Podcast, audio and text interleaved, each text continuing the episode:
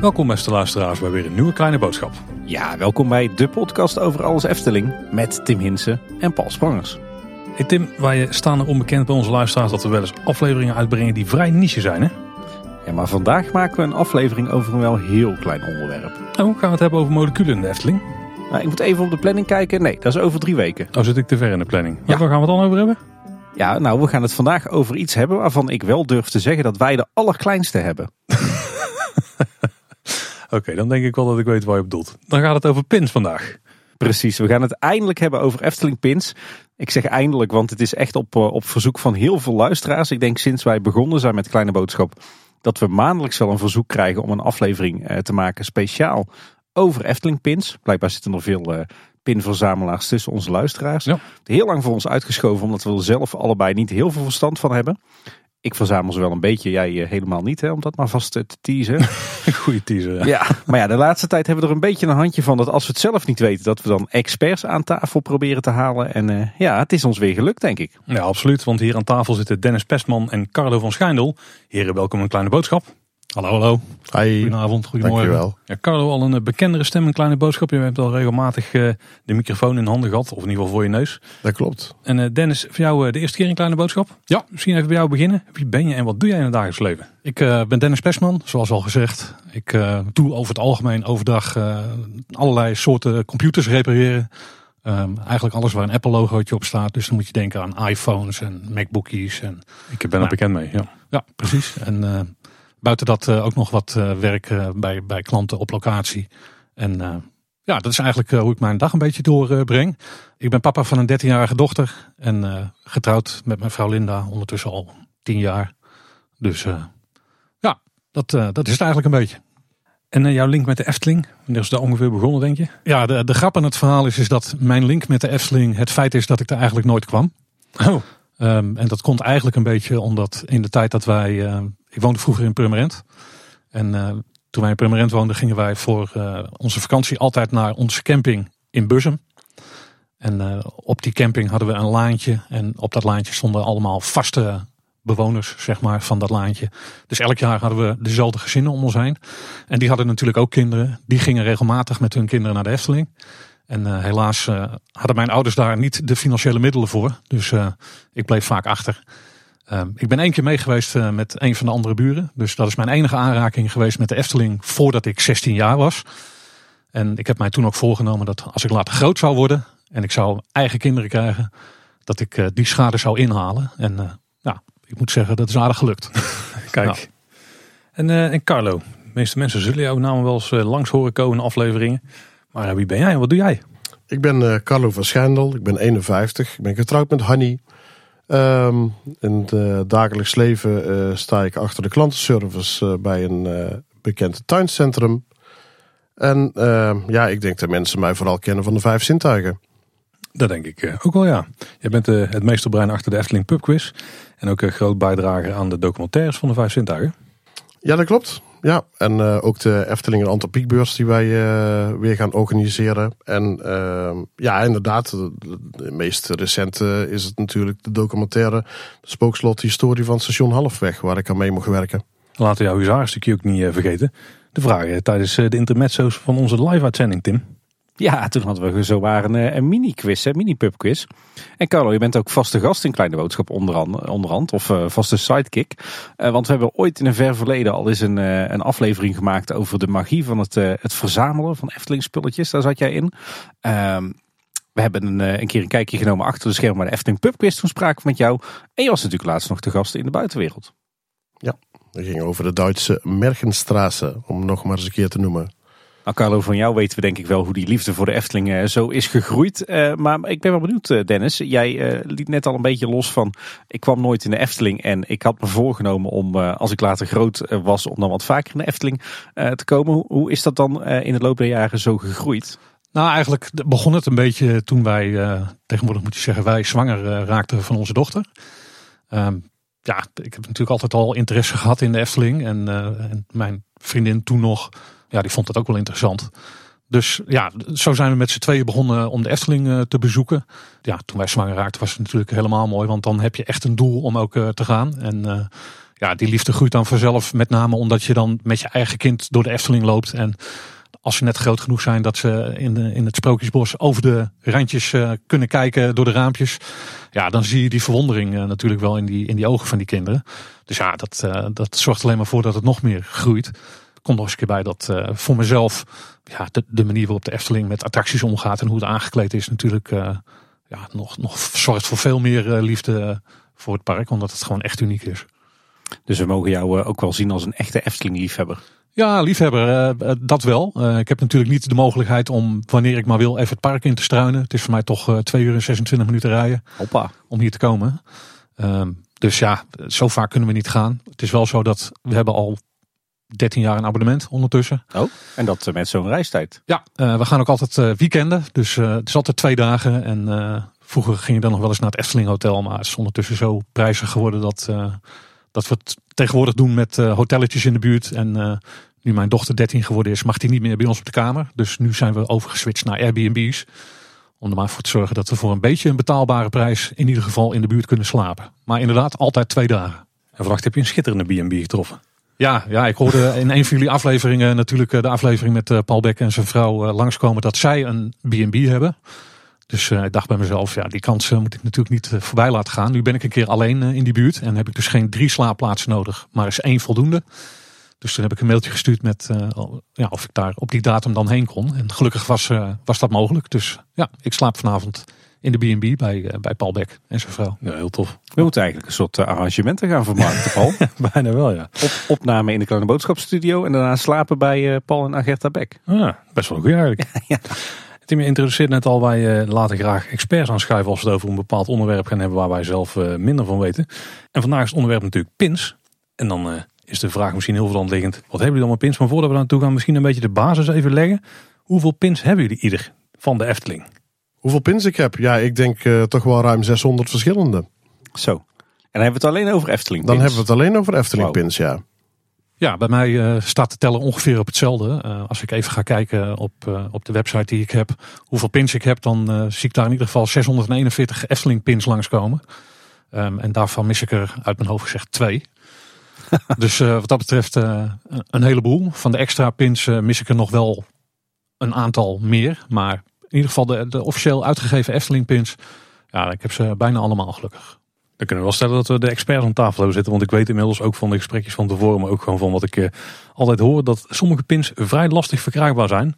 Als je er dan maar enkele mist, dan, uh, dan ben je wel echt een kenner.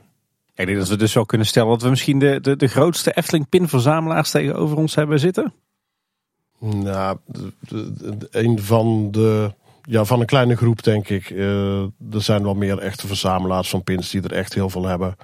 Ja, ik denk dat we toch wel, als we gaan kijken naar het algemene beeld, toch wel in de top 10 uh, eh, zitten met hoe compleet onze verzameling is. Ja, dat denk ik ook wel. Ja. Jullie zitten in het linkerrijtje van de eredivisie. Zeker. Wow, Tim, een sportreferentie. ja, goed hè? Ja, zeker. Had je, die zag je niet aankomen. die zag ik zeker niet aankomen. Kennen jullie elkaar trouwens al, al, al lang? Nou, dat is een grappig uh, verhaal. Ik uh, ken Carlo eigenlijk via de vijf zintuigen.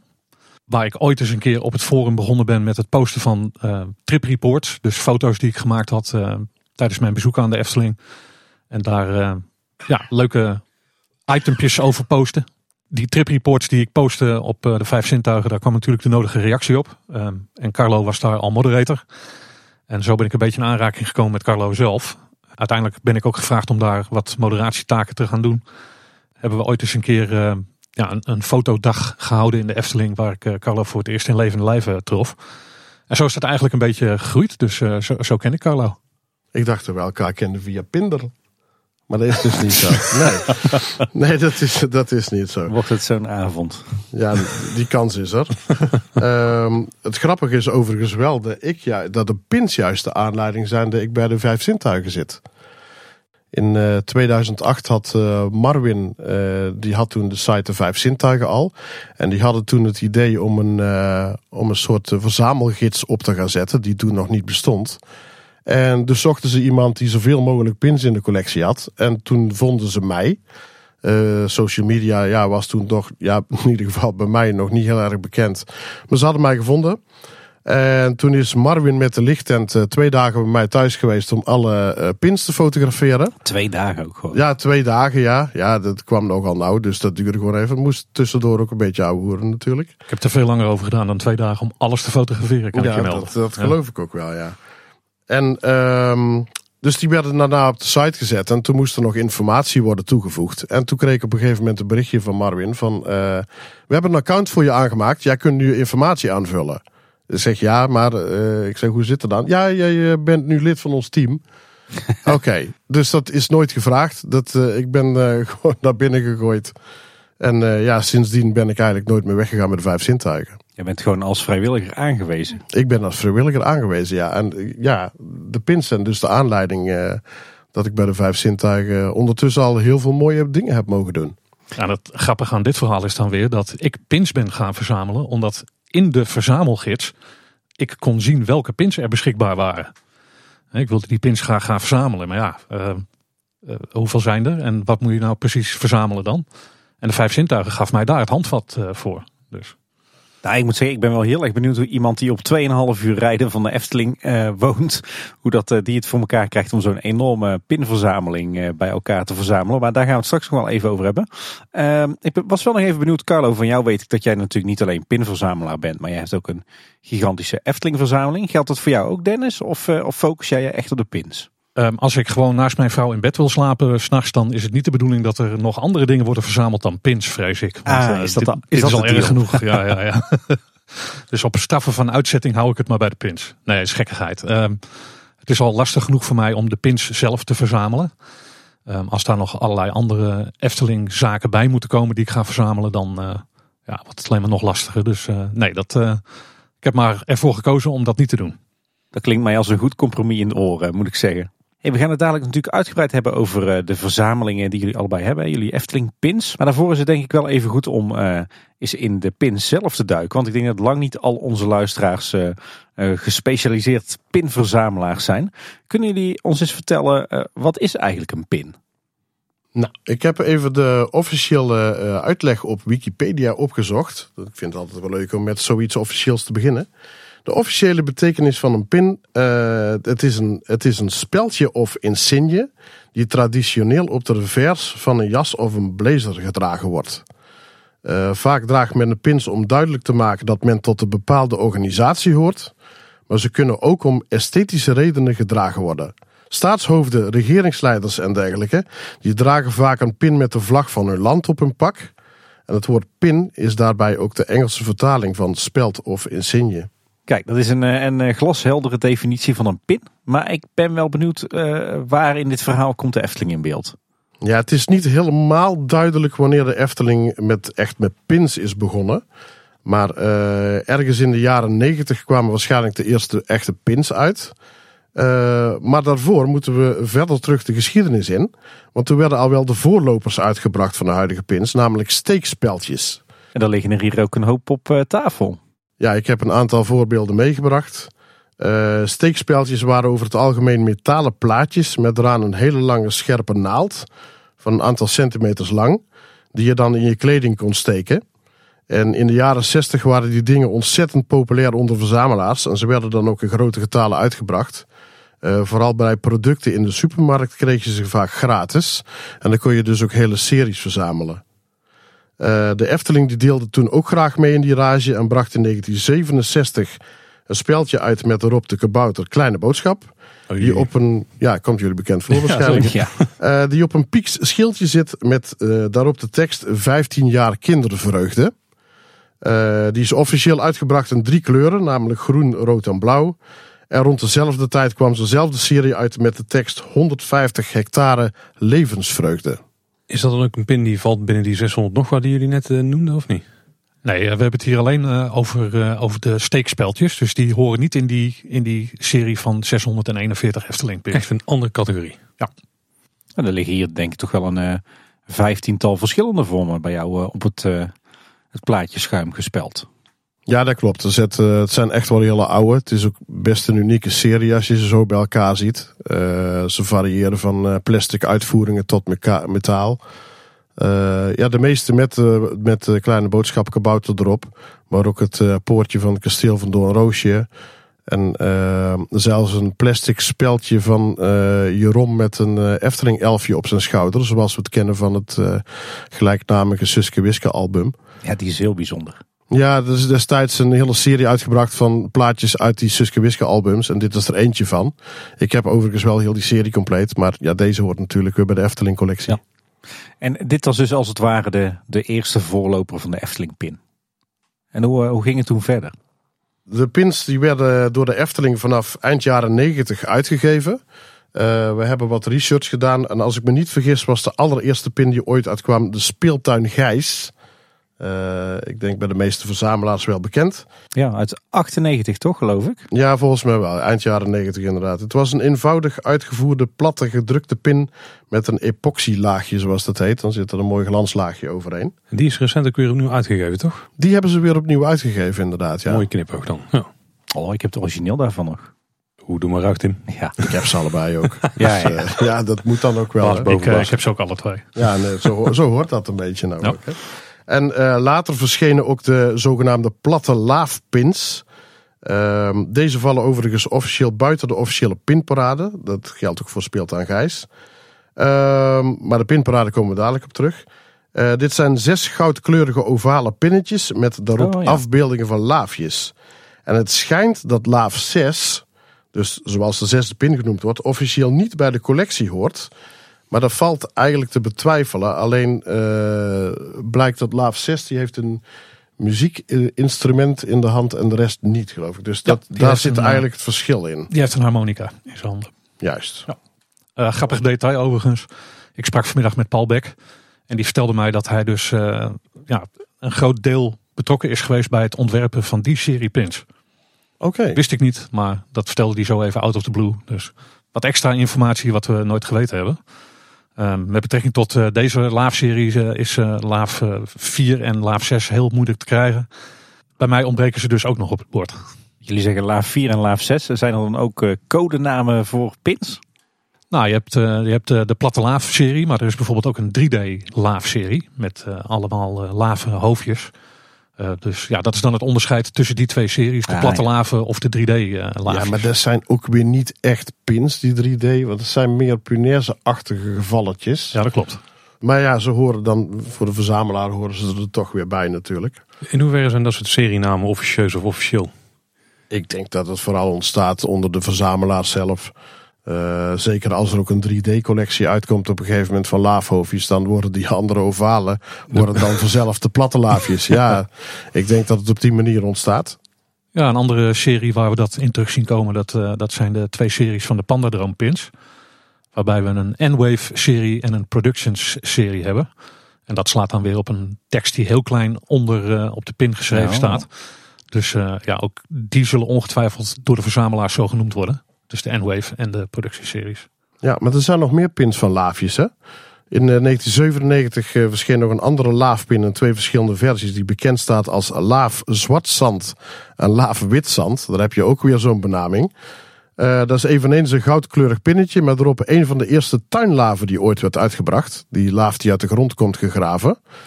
Um, deze zat destijds onderaan een houten wandrekje waar de twaalf hobbylaafjes in konden worden uitgestald. En deze pin is er dus in een versie met een wit zandhoopje en een zwart zandhoopje. Mm. En een andere wereldberoemde pin in Eftelingland, zo noem ik het maar even, is de zogenaamde lopende pardoes. Ja. Uh, dat is een in metaal uitgevoerde pin van de oorspronkelijke Knoet pardoes. Uh, die lopend is afgebeeld, vandaar dat hij de lopende pardoes heet. Uh, deze pin werd ook ver voor 2003 al regulier uitgebracht. En uiteindelijk is hij tot twee keer toe heruitgegeven, maar telkens in een net andere uitvoering. Zo ontstonden de, de drie verschillende lopende pardoezen met een zwarte achterkant, een zilveren achterkant en een geruite achterkant. Ja, en die met die geruite achterkant, die uh, hoop ik ooit nog eens een keer gedoneerd te krijgen door iemand. Maar uh, ik vrees dat ik er ernstig voor moet gaan betalen. Ik heb, er maar eentje van, dus ik moet je helaas teleurstellen. Maar ik heb ze wel alle drie de verschillende, maar van elk eentje. Ja, ik heb hier de zwarte en de zilveren achterkanten voor mijn neus. Wel een mooie pin van waar komen dat soort kleine productieverschillen dan vandaan? Is er iemand die bewust die keuze maakt? Of uh, Wordt er een andere leverancier gekozen of hoe, gaat dat dan? Ja, vaak zie je als er een, een tweede serie pins wordt gemaakt, eh, dat er toch een klein verschil is. Eh, of dat nou bewust gedaan wordt of niet, dat is een, een tweede.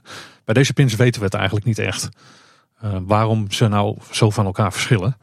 Ehm, maar ja, die pins gaan ondertussen best wel voor grote bedragen. Gemiddelde lopende Pardoes is toch al gauw 150 euro waard. Zo. Oké, dat had ik me niet, dat had ik niet door toen ik het net Dus eh, ja, het zijn maar wel erg gezochte pins. En eh, ja, als ze op marktplaats verschijnen, zijn ze ook over het algemeen erg snel weg. Ik stond er niet bij stil dat ik de studio extra had moeten verzekeren voor vanavond, Tim. Maar Nee, inderdaad.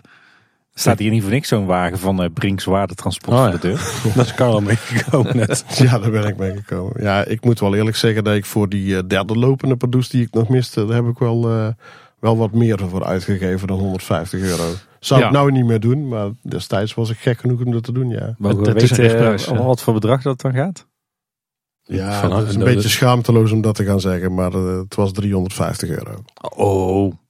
Je hebt wel eens duurdere souvenirs gekocht. Ja, maar niet zo'n kleine, denk ik. Hey, maar dit waren dus allemaal eh, een beetje losse uitgaven in de jaren negentig. Is er eigenlijk ook een moment dat er wat meer lijn kwam in de Efteling pins? Eh, ja, dat is er, eh, dat is er zeker. Ehm, ik heb het even nagezocht op uh, Eftepedia, omdat eh, ja, dat is voor mij geen parate kennis. Dus eh, bij deze een stukje van Eftepedia. Alhoewel enkele pins altijd al deel uitgemaakt hebben van het souvenieraanbod van het park, werd in april 2003 de pinparade geïntroduceerd. Het idee voor pin verzamelen in de Efteling werd in november 2002 bedacht door Leon Weterings. Destijds werkzaam voor zowel afdeling Marenrijk als technische zaken. Aanleiding was een vraag van Frans Groenet tijdens een werkoverleg of iemand een idee had voor de lege plek in de toren op de hoek van het Anton Pieckplein, dat op dat moment een grote metamorfose kreeg. Op een zondagmiddag heeft Weterings toen zijn idee uitgewerkt. Een steampunk-achtige machine van een juwelier die te verzamelen pins zou uitgeven. Naast de automaat zelf kwam hij ook met diverse ideeën voor pinseries, waaronder een Pardoes, Sprookjesbos, Pandadroom en Hollebolle Gijs serie. Het idee kwam niet uit de lucht vallen. Sinds 1999 wordt in de Disneyparken Disney Pin Trading georganiseerd. Met dezelfde soort pins, regels en activiteiten. Een concept dat Weterings dus ook wel zag zitten voor de Efteling. Olaf Vugts was het hiermee eens en liet de automaat verder uitwerken door Michel den Dulk. Tot het smidje. Samen met het smidje werd op 1 april 2003 de pinparade geïntroduceerd met de uitgave van acht Sprookjesbos-pins. Sprookjesbosbewonersfiguren van Geesink. Voor 2,25 per stuk. In juli werd de serie uitgebreid met nog zes nieuwe Sprookjesbosfiguren pins en met vier pins van het smidje, afhankelijk uitgebracht onder de naam Anton Pieck pins. Sinds die tijd worden meermaals per jaar nieuwe pins geïntroduceerd. Kijk aan, dus de, de Efteling pins zoals we die nu kennen en zoals jullie die verzamelen, die bestaan eh, inmiddels ruim 20 jaar. En eh 13 jaar daarvan verzamel ik ze dus al. Dus Ja, ik dan al 20 jaar. Kunnen jullie eens wat meer vertellen over die Efteling pinparade? Wat was dat nou? Wat hield dat in? Eh, de Efteling Pinparade is gewoon ja, heel de collectie pins die de Efteling eh, uitbrengt, maar dan genummerd, zodat er een beter overzicht ontstaat. En eh, vroeger bracht de Efteling op elke eerste zondag van de maand een nieuwe pin uit, of enkele nieuwe pins. Dat was eigenlijk vaste prik, slechte woordgrap.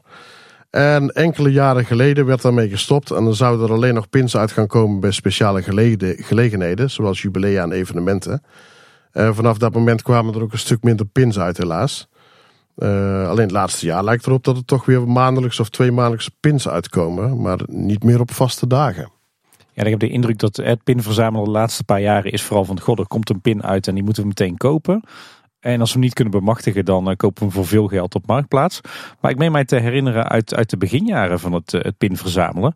dat het vooral de bedoeling was dat je, je... Je kocht een bepaalde startset pins, maar dat je dan dus ging ruilen met eh, andere pinverzamelaars... en vooral ook met Efteling-medewerkers. Dat is eigenlijk wel de officiële opzet inderdaad van, eh, van de pinparade. Daar is het wel voor bedoeld. Alleen als je op een gegeven moment meerdere pins krijgt met verschillende waardes, omdat ze allemaal andere oplagen hebben, dan wordt dat ruilen wel een beetje lastiger. Maar ze werden vroeger eh, vooral eh, verkocht eh, vanuit de Lutique. ja, dat klopt. En, en toen ze verkocht werden vanuit de Lutique hebben wij daar een tijd lang een vaste medewerkster eh, gehad. Dat was Christine. En zij stond de verzamelaars altijd met grenzeloos geduld en een leuk woordje altijd te woord. En ja, het had eh, wel een tijd voor een leuke babbel en dergelijke. Ehm, helaas is zij eh, in 2015 met pensioen gegaan. Dus kunnen we niet meer genieten van Christine in het park. Uh, en ter gelegenheid daarvan heeft de Efteling nog wel een speciale pin uitgebracht. De Christine Bedankt pin. Um, in een hele kleine oplage. Dus ook weer heel lastig uh, te krijgen. Af en toe zien we hem nog wel eens langskomen op Marktplaats. Maar dan gaat hij ook weer voor enorme bedragen. Dus ja, uh, toen vanuit de Loetiek. Ja, en later werden ze verkocht uh, buiten bij externe verkooppunten in de vorm van souvenirkarren. En tegenwoordig worden de nieuwe pins aangeboden in de, in de oude Marskramer. Overigens, vanaf het moment dat de Efteling de pins van tevoren ging aankondigen, uh, dat ze op een bepaalde dag de verkoop ingingen, kwamen hier ook heel veel handelaars op af. Wat vreselijk uit de hand liep. En de rijen wachtenden waren door, daardoor echt enorm. Um, om dat een beetje de kop in te drukken, werd er verzonnen om op het Dwarrelplein rijen te creëren. Waar je vanaf 9 uur aan kon sluiten. Um, daar kon je dan bonnetjes halen waarmee je de pins kon verkrijgen. Maar ook deze uh, wachtrijen waren heel snel te kort. En die werden dan uh, provisorisch verlengd uh, middels het lint van de ballonnenverkoop. Heb ik een paar keer, want het rood-witte lint was dan op. En dan, dan trokken ze de lint van de ballonnenverkoop eraf en daar werden de rijen mee verlengd. Um, en daarna gingen ze dan in die wachtrijen bonnetjes uitreiken. En iedereen kreeg dan maximaal drie bonnetjes. En voor elke bon kon je één pin scoren. Maar al uh, snel sloten die echte verzamelaars uh, gewoon weer opnieuw aan in de rij. Dus uh, die hadden dan weer meerdere bonnetjes voor meerdere pins. En had je deze rij overleefd, dan kon je elders in het park naar een verkooppunt met die bonnetjes.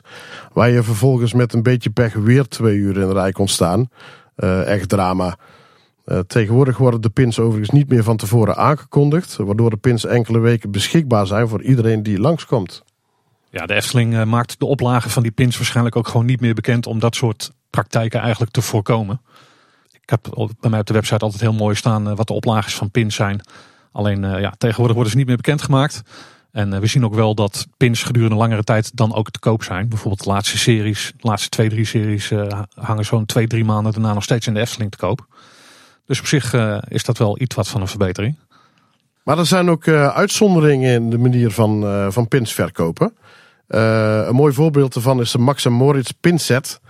deze werd verkocht op inschrijving via de webshop, die toen nog bestond. Online mocht je maximaal drie pins per persoon reserveren, die op vertoon van de mail mochten worden opgehaald. En binnen een uur was die oplage van 1750 sets al vergeven. Uh, en tevens kwam er toen ook een herdruk uit van de Bob-pin. Daar gaan we straks nog over hebben. Maar die mocht je weer alleen mee reserveren bij aankoop van de Max Morris pins. Dus die waren ook weer zo op. En tijdens de coronaperiode is er een carnavalfestival landenserie uitgebracht. Ook online. En die serie werd verkocht in blinde zakjes. Oftewel, dan weet je niet wat erin zit. Uh, en dan moet je onderling uh, ruilen om de serie compleet te krijgen. Uh, wat ontzettend handig was natuurlijk in de coronaperiode waarbij niemand elkaar mocht zien. En ja. daarbij moest je ook nog, uh, dan kon je de pinsel over en weer naar elkaar opsturen. Maar ja, dan had je weer dingen in je handen die andere, man, andere mensen weer in hun handen hadden gehad. Dus was niet echt de meest ideale tijdstip om, uh, om dit zo te doen. Is het ruilen van pins onderling, dus met liefhebbers onder elkaar, een, een mooi onderdeel van het geheel? Want tijdens corona kan ik me voorstellen dat het niet ideaal is, maar het concept aan zich is best aardig, toch? Jazeker. Er zit ook elke eerste zondag van de maand zit er een vaste groep verzamelaars uh, op het terras van het Witte Paard aan de zijde van het Antropiekplein. En daar uh, kun je naar hartelust uh, pins mee ruilen. Gaat dat nog nu die waarde zo fluctueren? Ja, dat is dus lastig. kijk, want beginnende verzamelaars of kinderen of wat dan ook, die komen dan al heel gauw aan. Misschien met zo'n oude Sprookjesbos-serie, die, die hele goede kope pinnetjes. Ja, en die, die verwachten dan daar een hele mooie pinset over lopende Pardoes voor terug te krijgen. Ik noem maar wat. Ja, dat, dat is dus schier onmogelijk. Er is geen enkele verzamelaar die daar, uh, daarin meegaat. Zijn er lijstjes van de dagwaarde van pins, zodat je op die manier kunt ruilen? Of hoe gaat dat? Nou, die, die prijzen van die pins die fluctueren zo hard. Uh, en het is, uh, ja, tussen aanhalingstekens, maar net wat de gekke voor geeft. Uh, op het ene moment uh, kan je een pin voor heel weinig geld op de kop tikken. Op het andere moment, het kan een dag later zijn, is diezelfde pin voor een, voor een veelvoud van dat bedrag van de hand gegaan. Dus het is heel lastig om daar echt een lijn in te zien. Um, ik, heb pins die bijvoorbeeld honderden euro's waard zijn, die ik dan toevallig op marktplaats een keer tegenkom voor 30 euro. Ja, dan, dan heb je gewoon een gelukje. Maar om nou te zeggen van we hebben echt een vaste waarde, waar we echt een bedrag aan kunnen hangen. Sommige pins zijn redelijk waardevast. Maar andere, eh, er zijn bijvoorbeeld pins, personeelspins die eh, voor 14, 1500 euro van, eh, van hand wisselen. Sorry. Uh, ja, sommige pins die, die zijn heel veel geld waard. En andere pins die kan je aan de straatstenen niet kwijt bij wijze van spreken. Ja, maar dat wisselt ook nog alles in waarde. Als je bijvoorbeeld kijkt naar de Spookslot-serie. dat is een serie van drie pins. die was een aantal jaren, vier pins, herstel. Die was een aantal jaar geleden, was die nog voor een paar tientjes te krijgen. Maar eh, sinds het spookslot er niet meer staat, eh, kun je grof eh, 250 euro eh, neertellen voor zo'n set. En eh, het, is, het is maar net de populariteit eigenlijk van, van die tijd van een pin eigenlijk. Want dat wil wel eens variëren. Ja, gesloopte attracties doen het over het algemeen heel goed in de waarde. Eh, we zien dat. eh, Dus voor onze pincollectie is het eigenlijk beter als heel plat, eh, heel het park plat ja, er zijn er nog wel een aantal attracties die plat mogen. Oh, dat, Ja. eh, maak er straks een lijstje van. Maar, nee, maar, dan moeten we nog meer documentaires maken. Doen maar. Ja. maar, maar dat betekent dus wel dat het, het ruilen tussen liefhebbers onderling tegenwoordig, dat dat echt, echt handeldrijven is dus. Ja, dat, dat, dat klopt wel. Eh, als je op de, op de pinruildag gaat kijken, dan eh, zie je daar heel veel mensen met heel veel mappen vol met pins zitten. Maar ja, als je denkt dat je daar met twee pins een hele dure pin geruild kan krijgen, dat is echt, eh, echt onmogelijk. Dus dan moet je echt wel stevig de portemonnee vertrekken. Eh, maar ik moet zeggen, ik heb ook wel pins geruild die echt wel wat van waarde verschilden. En dat iemand eh, je dan gewoon zo'n pin gunt. Ja, en dan kan je geluk hebben dat je een leuk pinnetje krijgt voor niet al te veel geld. Is er voor jullie nog veel te, te ruilen inmiddels? Want ja, je hebt nog maar zo weinig wat in de collectie ontbreekt. Voor mij persoonlijk valt er eigenlijk nou ja, bijna niks meer te ruilen. De pins die ik nog nodig heb, zijn echt de extreem dure speciale pins. Ehm, ik zie ze wel eens langskomen op Marktplaats, maar dan klik ik ze maar weer gauw weg. Want ik heb weinig zin om een eh, pin te gaan kopen voor de prijs van een goede tweedehands auto.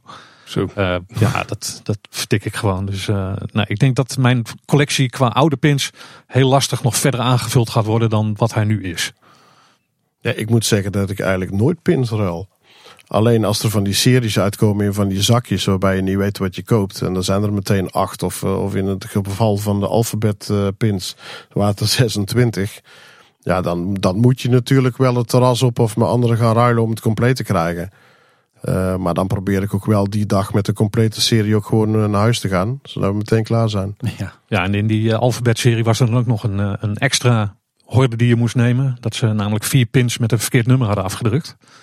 Dus de echte verzamelaar heeft de 26 alfabetpins plus de vier pins met de misdruknummers erop. Ja, maar daar kwam ik later pas achter. Maar die heb ik gelukkig later nog kunnen bemachtigen. Ja. De vier laatste eh, letters daar hebben ze de pinparade nummers omgewisseld. Eh, Stel dat er komt zo'n serie uit met 26 pins of met misschien 8 die dan in eh, blinde zakjes zitten. Wat is dan jullie tactiek? Nou, ik heb eh, gelukkig eh, Erik, Efteling-fan, eh, die dan eh, voor mij op pad gaat. Die eh, koopt voor zes of zeven mensen altijd een heleboel pins op.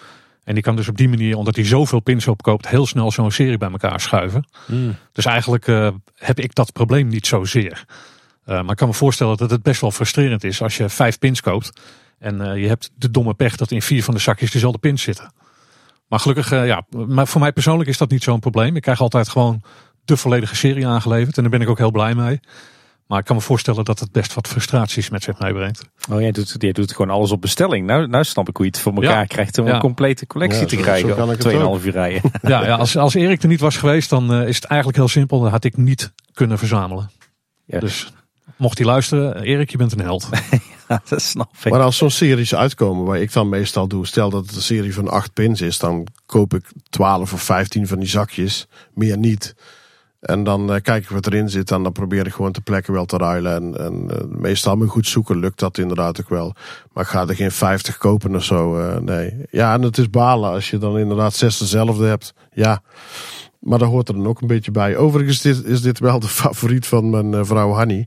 Eh, want op het moment dat pins uitkomen in van die blinde zakjes, dan trekt ze de portemonnee ook open. Want ze vindt het geweldig om die dingen te gaan ruilen. Dat vindt ze echt heel erg leuk. Kijk, match made in heaven. Ja, daar op dat gebied wel. qua, op, qua pins, hè? Ja. Nou, ik moet zeggen, voor, voor mij was dat de aanleiding om op een gegeven moment te stoppen met het, het willen bemachtigen van alle pins uit het smidje. Want dat is nog steeds, denk ik, misschien wel mijn, mijn, mijn, ja, mijn meest favoriete serie pins aller tijden. De pins uit het smidje. Maar ja, op een gegeven moment kon je pins blijven trekken uit die automaat om ze compleet te krijgen. Ja, dat, eh, toen werd het voor mij echt gortig. was wel een beetje het idee erachter, denk ik. Ja, dat klopt. Maar het zou je nog verbazen, want er zit nog redelijk veel tijd tussen de verschillende series die uit zijn gebracht in het smidje. Eh, soms wel enkele jaren zelfs. Dus ja, als er acht verschillende pins zijn, ja, als je het, de pech hebt dat je vijf precies dezelfde pins achter elkaar uit die eitjes haalt, ja, dan, uh, dan heb je inderdaad wel een probleem. Dus ik, ik snap de frustratie. Ja. Hey, uh, nu is het dus vooral een, uh, een kwestie van pins kopen en, uh, en handelen eigenlijk. ik weet nog uit mijn tijd toen ik als vakantiekracht op het Marenrijk stond, dat ik vrij snel zo'n pinkoord om mijn nek kreeg. En dat naast mijn, mijn normale werk bij de draaimolens of in de horen of in de smulpaap, dat ik best wel een groot deel van de dag bezig was met pins ruilen. Dus in de beginjaren was het nog echt wel ruilen. Dat klopt, dat was ook de insteek van de Efteling dat het ging gebeuren. Uh, zoals je al zegt, met diverse attracties, winkels en horecapunten liepen dan inderdaad uh, jij en je collega's met de keycord rond. Uh, waarbij je pins kon ruilen. hoofdregel was volgens mij wel dat je geen pin mocht ruilen die al op dat koord aanwezig was. Ik weet niet of je er nog... Nee, ik weet niet of ik me daar altijd zo aan hield. Nee, dat, daar heb je het alweer. Maar dat klopt wel, die regel die is inderdaad. Uh, die regel was er wel. Ja. En bovendien moesten die uh, pins die je op het koord ruilt, uh, moesten onbeschadigde pins zijn. En uh, dan had je ook nog een hoofdkwartier, zeg maar. Het, uh, uh, was het horecapuntje in Den Glazen Kat. Dat was het zogenaamde, het echte pinpingelpunt. later is het ruilen overigens wel stukken minder geworden hoor. in de marskramer schijnen nog wel enkele keycords rond te zwerven. Maar ruilen is heel lastig geworden in verband met de verschillende waardes van de pins. En uiteraard heeft het personeel geen hele waardevolle pins op die keycords uh, zitten nu. Maar ze zijn echt nog sporadisch te vinden. Maar niet zoveel als uh, destijds in jouw tijd. Er liepen er echt heel veel rond. Ik ben me te herinneren dat er toen vooral in het, uh, in het Marenrijk heel veel mensen waren met uh, pincodes om. vooral omdat het ook een initiatief was mede vanuit Frans Gournay. Die toen natuurlijk rijkenmanager in het Marenrijk was. Ja, en als je nu gaat kijken. Ik was twee weken geleden nog in de Efteling. Ja, dat is voor mij best wel kort geleden. Voor jullie niet. Maar uh, toen heb ik eens gevraagd bij uh, de Marskamer of ik even het pinkoord mocht zien. Waarbij een medewerker mij verschrikt aankeek en uh, zoiets had van ik heb geen idee waar je het over hebt. uiteindelijk kwam die wel ergens tevoorschijn, maar ja, zoals bij alle andere pinkoords hing die helemaal vol met, uh, met smitje pins. Dus uh, is voor Tim misschien wel leuk om daar uh, ja, zijn pins vandaan te krijgen. Maar zeker. voor de echte verzamelaars die nog willen ruilen, zijn die pins eigenlijk ja, niet interessant genoeg om nog wat voor weg te ruilen je vertelde net trouwens dat het, uh, het smitje eigenlijk de start was van uh, de Efteling Pinparade. Ik vind het wel een eye-opener, want ik dacht altijd dat er al veel langer uh, pins werden verkocht en werden geruild voordat het, het smitje daadwerkelijk in het park kwam te staan. Maar dat is dus echt de trigger geweest, zeg maar. Ja, ja dat klopt.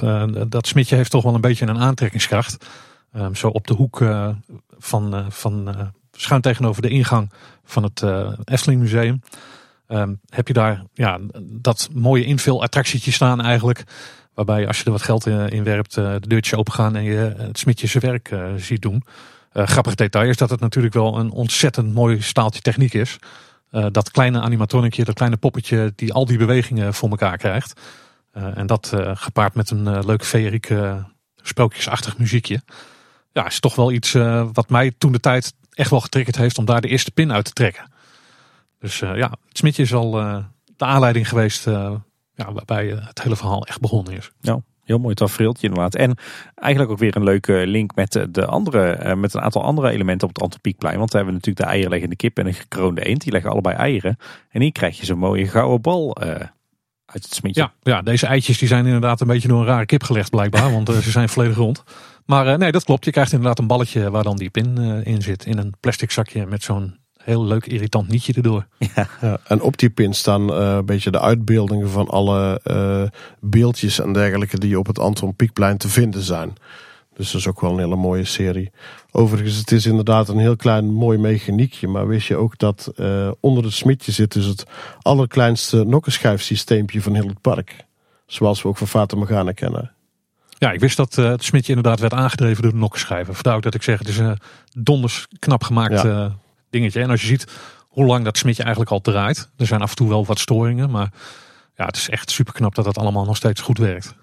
Maar die storingen zitten vooral in het, uh, in het aanzaagsysteem van de balletjes uit, uh, uit de voorraad erachter. Oké, nou dat wist ik dan weer niet.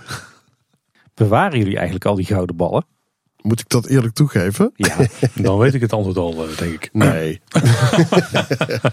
nee, bij mij zijn ze ook rechtstreeks het vuilnisvat in verdwijnen. Nee, ik heb ze, ik heb, ja, ik bewaar ze wel, sorry. Maar ze komen bij mij ook weer af en toe van pas voor de, voor de pubquiz. Ze kunnen weer heel leuke dingen mee doen. Dus, uh, goed excuus. Dus ik heb ze wel af en toe wel echt nodig, ja. Ja, dat is slechte smoes, maar goed. Ik denk dat je thuis een ballenbak of zo ingericht. Uh, nog niet. Nee. Zou zo maar kunnen nou. Ja. Hey, jullie vertelden net al dat er, dat er iets meer dan 640 Efteling pins zijn uitgebracht, officiële Efteling pins. Zit er eigenlijk een bepaalde indeling in? En ik, ik kan natuurlijk wel de vraag stellen welke 640 pins zijn er uitgebracht. Maar dan zitten we hier morgenochtend nog. Maar is daar een bepaalde lijn in, in terug te vinden? Ja, er zit wel degelijk een lijn in. er zijn op het moment van deze opname, want je weet het nooit met de Efteling, 453 genummerde Efteling pinparade pins. Dus pins die echt voldoen aan de EPP, de Efteling pinparade. En daarbuiten zijn er nog um, zo'n 45 ongenummerde pins. Die we dan voor het gemak maar onofficiële pins noemen. Maar die wel degelijk zijn uitgegeven door de Efteling. En 36 personeelspins. En de personeelspins, ja, dat zijn de pins die je natuurlijk allemaal graag wil hebben. Ja, die zijn extra zeldzaam natuurlijk. Ja, dat klopt. Ja, is, is, is, is de, misschien even advocaat van de duivel spelen, maar is dat ook zo? Want er zijn meer medewerkers uh, in de Efteling dan dat ik vaak pinoplagen nummers hoor, zeg maar. Dus meer dat die pins minder makkelijk van hand worden gedaan. Uh, eigenlijk is het niet toegestaan voor Efteling personeel om de pins van de hand te doen. Ah, kijk, is dat. Want het blijven eigenlijk eigendom van het park. Maar als er tegenwoordig een personeelspin wordt, uh, wordt gemaakt, dan zijn het waarschijnlijk 3500 pins of zo. Terwijl de meeste pins worden uitgebracht rond de 2000 zitten qua oplage? Uh, nee, dat is niet zo. Want uh, de meeste uh, personeelpins die uitgebracht worden, zijn voor bepaalde kleine groepjes van het personeel binnen het park. Ah, zo is er bijvoorbeeld een pinnetje voor het personeel van Polles Keuken. Um, is er een betoveraar in wording, zeg maar, voor de nieuwe personeelsleden. Als ze die inleveren, krijgen ze dan zo'n gouden, gouden veer of gouden sleutel voor terug. Dus het is eigenlijk meer voor kleine groepjes uitgebracht. Alleen de, de pin van 70 eh, jaar Efteling, zeg maar, de personeelspin. Uh, als echte verzamelaar kun je daar de slag slaan. Want er zijn dus bijna 3500 verschillende van. Omdat er overal een andere naam op staat. Dus ja, uh, succes ja. daarmee. Die is onmogelijk om uh, compleet te krijgen. Die krijg je echt nooit compleet, nee. Ik heb het proberen te ondervangen door ze bij mij op de site met de omgedraaide foto waarbij je de naam ziet, maar even de naam van de persoon weg te photoshoppen. Uh, ook om die desbetreffende persoon een beetje in bescherming te nemen natuurlijk. Maar ja, het is inderdaad uh, wel een unieke serie. De enige serie pins waarvan ik weet, uh, die ooit door de Efteling echt met name zijn uitgebracht. Maar hoe bemachtig je dan zulke soort personeelspins? Is het ook gewoon marktplaats? Ja, dat kan verschillen. vaak marktplaats. Die van mij komt via via echt bij een medewerker rechtstreeks vandaan. Ja, en dan komt het weer neer op de contacten die je gelegd hebt in het park en of iemand jou zo'n pin gunt of niet. Uh, ja, en als dat niet zo is, ja, dan is Marktplaats toch wel de place to be. En als we kijken naar al die officiële Efteling-pinsen die de Efteling zelf heeft uitgebracht. Um, kunnen jullie eens ons een beetje meenemen door wat de Efteling in de loop der jaren allemaal voor, voor soorten pins heeft uitgebracht? Of uh, wat voor series? Nou, dat zijn echt heel veel verschillende soorten pins. Uh, je hebt de eerste Sprookjesbos-serie was een, een hele simpele serie met plastic pinnetjes met een, met een bedrukking erop. Maar je hebt ook allerlei andere soorten. Je hebt contourpins met opdruk en een epoxylaagje, zoals de Vliegende Hollander pin of de Efteling Golfpark pin. Het is echt een contourpin, zeg maar, met, met een fotootje erop. Je hebt metalen contourpins, dat, die zijn uitgevoerd in emaille. Je hebt ook met ingeplakte bedrukking erop, zoals de Jubileumpins series en de serie van de Blauwe Winter Efteling pins. Dat zijn dus metalen pins waarin weer een fotootje zit geplakt. Uh, dan heb je ook nog pins met de beweging erin. Er zijn meestal ook emaille pins, maar met een klein bewegingsmechanisme. Uh, hele mooie voorbeelden daarvan zijn de ezeltje strekje pin met het verende staartje. De vrouw holle pin met de bewegende armen die op en weer op en neer kunnen wiegen. De Fata Morgana pin met pardoes, die op zijn tapijt van links naar rechts kan bewegen. En dan heb je nog de Fabula pin met ronddraaiende globen in het midden. En dan heb je nog de zogenaamde spinners, waarbij je het ronde middelgedeelte rond kunt draaien, zoals de Lucky Deluxe, zoals die heet, en de Villa Volta pin. Uh, dan heb je ook nog de 3D-pins, dus met een extra opgezette laag, zoals de wonderlijke de Efteling Show pin met het Producie erop. En ook de pins van de musical De Kleine Zeemeermin zijn er mooie voorbeeldjes van. En uh, je hebt ook, ja, je hebt zoveel soorten. Je hebt er met, met hangertjes aan een soort kapstok uh, pin, zoals de Carnavalfestival lampionnetjes van Zeven Pleinenfestijn uit 2012. Oeh, die was een mooie, ja. Dat was een hele leuke serie. Dat was een soort kapstok, daar kon je dan al die lampionnetjes ophangen. En, uh, maar ook de, de, pin van de nieuwe kleren van de keizer is het leuke. Met letterlijk een klein kleerhangertje dat aan de pin hangt. Ja, dan heb je ook nog de pins van, van Pinocchio van hout. En uh, de Jokie en Jet pin uit 2015 met Jokie en Jet in een carnaval festivalkarretje. En dat is een pin die van een rubberachtig materiaal is gemaakt. Die moet je ook niet te lang in de zon hangen, anders wordt die heel kleverig. Dus dat, dat, wil je ook echt niet. Dan hebben we nog een, een, voorbeeld, het, het, boekje van de Vliegende Hollander. Waar je echt open kan slaan. Met ringetjes in de rug. pardijn met de openslaande deurtjes. Pins met bedeltjes, zoals die van Tita Tovenaar. Um, de eerste versie van de Held van Ravelijn pin, die je ook open kan slaan als een boekje. Uh, de muzikale paddenstoelpin, alhoewel dat eigenlijk niet echt als een pin mag worden genoemd. En uh, pins die samen een aaneengesloten patroon uh, vormen. Oh ja. Zoals de Zevenpleinen Festijn 2012 en 2013 bijvoorbeeld, die die zeven maken. En de 2008 Zomeravondpins en de Hollebolle Gijs 50 jaar serie. Dus uh, ja, er zijn wel heel veel verschillende type pins uh, uitgebracht. Als je nou kijkt naar alle type pins, hebben jullie een soort van favoriete type pin ertussen zitten? Zijn dat juist een hele klassieke of uh, die Emaille pins? Want ik weet dat die vaak heel populair zijn. Die vind ik zelf denk ik wel het mooiste type pin. Of moet er juist iets bijzonders aan zijn? Een mechaniekje of zo? Ja, mijn, mijn favoriete pins zijn eigenlijk wel die, die uit meerdere laagjes bestaan. Dus de 3D-pins. De metalen 3D-pins vind ik wel het mooiste eigenlijk. Ja, voor mij persoonlijk uh, zijn het echt de, de reliefpins. Dus uh, de pins die op hoog relief uh, worden gemaakt, vaak in een bronzen kleur. Dat, dat, die zijn voor mij echt wel favoriet. Zoals er is een mooie Ravelijn pin die zo uitgevoerd is. maar ook een 3D logo pin die op die manier uitgevoerd is. Dat zijn toch wel mijn favoriete pins. Misschien goed om even te kijken nog extra naar die handel in pins. Want ik kan me herinneren dat er ook specifieke pin-events zijn geweest in de Efteling. Ja, de Efteling pin-events. Dat is een mooi avontuur. Vertel. Ja, de gekte van die pin-events, zeg maar, die ging eigenlijk pas echt van start bij het uitbrengen van de Bob-pin. Ter gelegenheid van de sluiting van de attractie. Uh, er was van de Bob nog nooit merchandise uitgebracht. Uh, op één jubileumpin na. En de Bob was nogal geliefd onder de liefhebbers. Dus wilde iedereen die afscheidspin van de Bob hebben. En uh, de grote fout van de Efteling dat, was dat daar geen limiet op zat. Dus die pin was binnen een uur volledig uitverkocht. Ja, en binnen de kortste keren verschenen die pins dan ook voor de absurde prijs op internet. En dan maakte voor veel verzamelaars en vooral handelaars maakte dat wakker. Uh, waardoor er een grote run kwam op alle pins daarna. En over de spookslotpin zullen we het maar helemaal niet hebben, het viooltje. De grootste run ontstond uiteraard op het... Uh, letterlijk een run. Ja, dat was echt een run. Ja. De grootste run ontstond uiteraard op het afscheidsboek met een veel te kleine oplage in mijn ogen. Maar daardoor waren de pins ook binnen een uur uitverkocht. Uh, gelukkig werden ze daarna nog bijgemaakt op bestelling, maar nog steeds is dat een, heel veel gezocht item op internet. Iets wat we de laatste tijd steeds vaker zien, uh, zeker als er een bijzondere pin uit wordt gebracht met een beperkte oplage, zodat daar een hoop mensen op afkomen. Dat we het ook altijd hebben over die handelaren die er dan zijn, die dan die pins zo snel mogelijk op marktplaatsen zetten. Vaak al terwijl ze nog in de rij staan volgens mij. Wat voor mensen zijn die handelaars? Zijn er ook uh, pinliefhebbers net als jullie die denken van we kunnen daar nog een extra slaatje uitslaan? Of zijn er ook gewoon mensen die weten dat daar een hele grote markt voor is, niks om die pins geven, maar toch daar in de rij gaan staan om alleen maar eraan te verdienen? Nou, ik heb een beetje het idee dat het eigenlijk zelf altijd wel verzamelaars zijn. Um, ik, ik, ken er een aantal die dat soort pins voor behoorlijke bedragen op marktplaats gooien.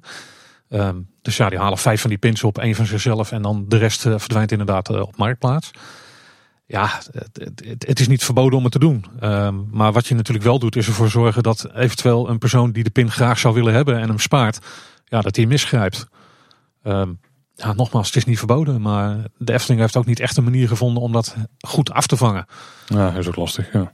Maar het zijn dus wel liefhebbers in het algemeen. Dus dat, is op zich wel goed om te horen. Niet dat het volledig wordt uh, vergooid aan mensen die er maar een slaatje uit proberen te slaan. Zeg maar. Nee, dat idee heb ik niet. Uh, maar het kan zijn dat ik ernaast zit. Maar zoals ik het heb meegemaakt, zie ik eigenlijk nooit mensen waarvan ik denk van hé, hey, die ken ik helemaal niet. Uh, en die gaan met honderd van die pins er vandoor. Om die vervolgens voor enorme bedragen te verpatsen. Ik heb wel de indruk dat het de laatste tijd wat beter gaat. Hè? Sinds ze geen oplagen meer bekendmaken. En sinds ze ook niet meer aankondigen wanneer er nieuwe pins komen. Ja, dat klopt. Ik heb ook wel het idee dat de oplages groter zijn geworden dan wat ze vroeger waren. Uh, mede omdat je ze nu gewoon echt één of twee maanden daarna nog steeds kan kopen in het park. Dus ja, ik denk dat dat, dat een goede ontwikkeling is. Ook uh, voor de waarde van pins op marktplaats. Ja, als pins gewoon nog lang verkrijgbaar zijn, ja, dan krijg je vanzelf dat uh, de waarde van zo'n pin natuurlijk relatief laag blijft. En daar, uh, daar bereiken ze dan wel mee dat iedereen de pin voor een relatief normale prijs te pakken kan krijgen. En ook wel handig dat als de handelsprijs lager blijft, dat is ook voor mensen die verder weg wonen, zoals jij, maar ook dus andere liefhebbers, dat die in ieder geval via internet nog zo'n pin kunnen bestellen. Want die mogelijkheid is er eigenlijk zelden. Ja, dat klopt. Ja. Ja, het is uh, voor mensen die op afstand zitten en, en, geen Erik hebben, zullen we dan maar zeggen. ja. ja, is het natuurlijk uh, enorm lastig. Uh, je ziet ook heel veel mensen die bijvoorbeeld uit België graag de pins willen hebben. Ja, die, die oproepjes hier wel langskomen of iemand een pinnetje mee wil nemen en hem op wil sturen. En weet je, vroeger kon je ze dan nog wel online kopen. Alleen als je in Nederland woonde. Dus als jij een pin wilde kopen en je zat in België en je denkt van ah, ga even naar de webshop. Uh, er werd niet verstuurd naar België. Dus dat was een beetje een punt. Ja. Wat zou wat jullie betreft de ideale oplage zijn van een pin? Ja, wat is de ideale oplage? Ik denk dat een ideale oplage een oplage is waarbij iedereen die de pin graag zou willen hebben, de mogelijkheid krijgt om hem ook daadwerkelijk te kopen. Uh, en nog wat extra pins om ervoor te zorgen dat die handel op marktplaats uh, lekker wordt platgeslagen. Dus ja, maar wat is dan de, ideale oplage? Ja, ik, kan niet kijken in de verkoopcijfers van de pins in de Efteling. Maar ik denk dat als je gewoon over een langere tijd gaat kijken hoeveel pins verkopen we nou van een bepaald type. Ja, pak die pin en gooi er een paar honderd bovenop. En dan, uh, dan moet het redelijk onder controle te houden zijn. Ja, ik vind het ook een fout van de Efteling dat de pins elke keer ook binnen twee maanden, zoals het nu is, zeg maar, ook uitverkocht moeten zijn. Eigenlijk zou er gewoon uh, in, in de Marskramer verder ook een wand moeten ontstaan. Waarbij gewoon ook volgend jaar nog heel veel pins te verkrijgen zijn. Waardoor je weer nieuwe, nieuwe verzamelaars aan kunt uh, spreken. Uh, ik heb geen idee wat op dit moment de oplagen zijn. Ze zijn ook wel eens 1750 geweest. Dat was echt veel te laag. Maar het aantal verzamelaars fluctueert. Ja, hoeveel moeten ze nu hebben? Ik, ik denk zelf 2.500, 3000. Ik denk ja, ik denk dat dat punt uh, daar ongeveer te zoeken is op dit moment. Ja, ja, dat denk ik wel. Maar daar bovenop zouden ze er inderdaad nog meer moeten doen. Om ook zo volgend jaar gewoon nog aan te kunnen bieden. Ja. En jij zegt dus eigenlijk, zorg ervoor dat, dat eigenlijk al je pins, dat die gewoon allemaal nog een tijdje verkrijgbaar zijn. Ja, absoluut. Ja, in de winkel. Ja, ja ik, ik weet nog wel dat toen ik begon met verzamelen, um, toen kon je de pins nog gewoon in de lutie krijgen. Daar had je zo'n zo'n spinnermolen had je daar staan. En die hing gewoon echt nog vol met pins. Ik, ik heb geloof ik toen op één dag 50 verschillende pins kunnen kopen in de Lutiek nog. Dus dat heeft mijn verzameling destijds heel erg geholpen. En als de Efteling dat nu op dit moment ook nog zou doen, ja, dan help je natuurlijk wel je nieuwe verzamelaars heel veel. Ja, want jij, jij bent zeven jaar later dan de start gestart eigenlijk dus. En dan kun je nog steeds zo'n grote voorsprong krijgen. Ja, toen, uh, toen kon ik er nog heel veel kopen gelukkig. Heel veel verschillende. Alleen nu is dat gewoon ondenkbaar. Als je nu uh, twee of drie verschillende type pins kan kopen, dan mag je al blij zijn. Denk je dat het een pin een interessant souvenir zou kunnen zijn voor de reguliere bezoeker die nog niks met die pins heeft? Of wat zou hun daartoe ja, kunnen aanzetten om er een te kopen? Wel als ze nog een tijdje gewoon uh, verkrijgbaar blijven. Is, is de grootste magie van de pins misschien het verzamelaspect en niet per se de pins aan zich of individuele pins?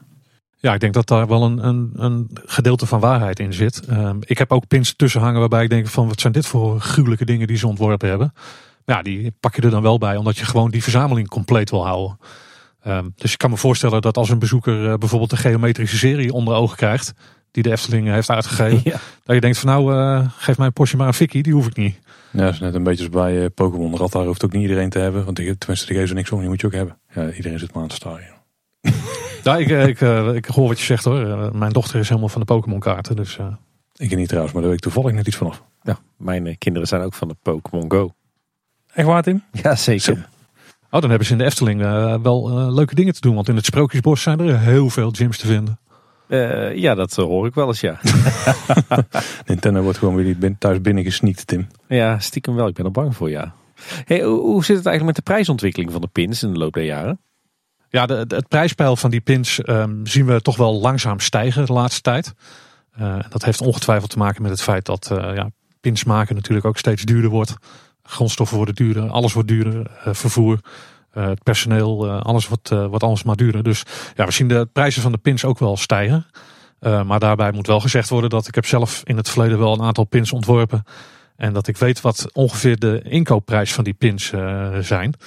En dan moet je toch echt wel denken dat een pin nog geen 3 euro kost om te laten produceren.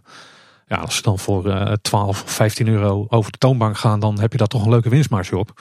Helemaal als je weet dat uh, op het moment dat de oplagers heel ver oplopen, dat er dan een soort van staffelmodel in werking treedt, waardoor de pins alleen nog maar nog goedkoper per stuk worden.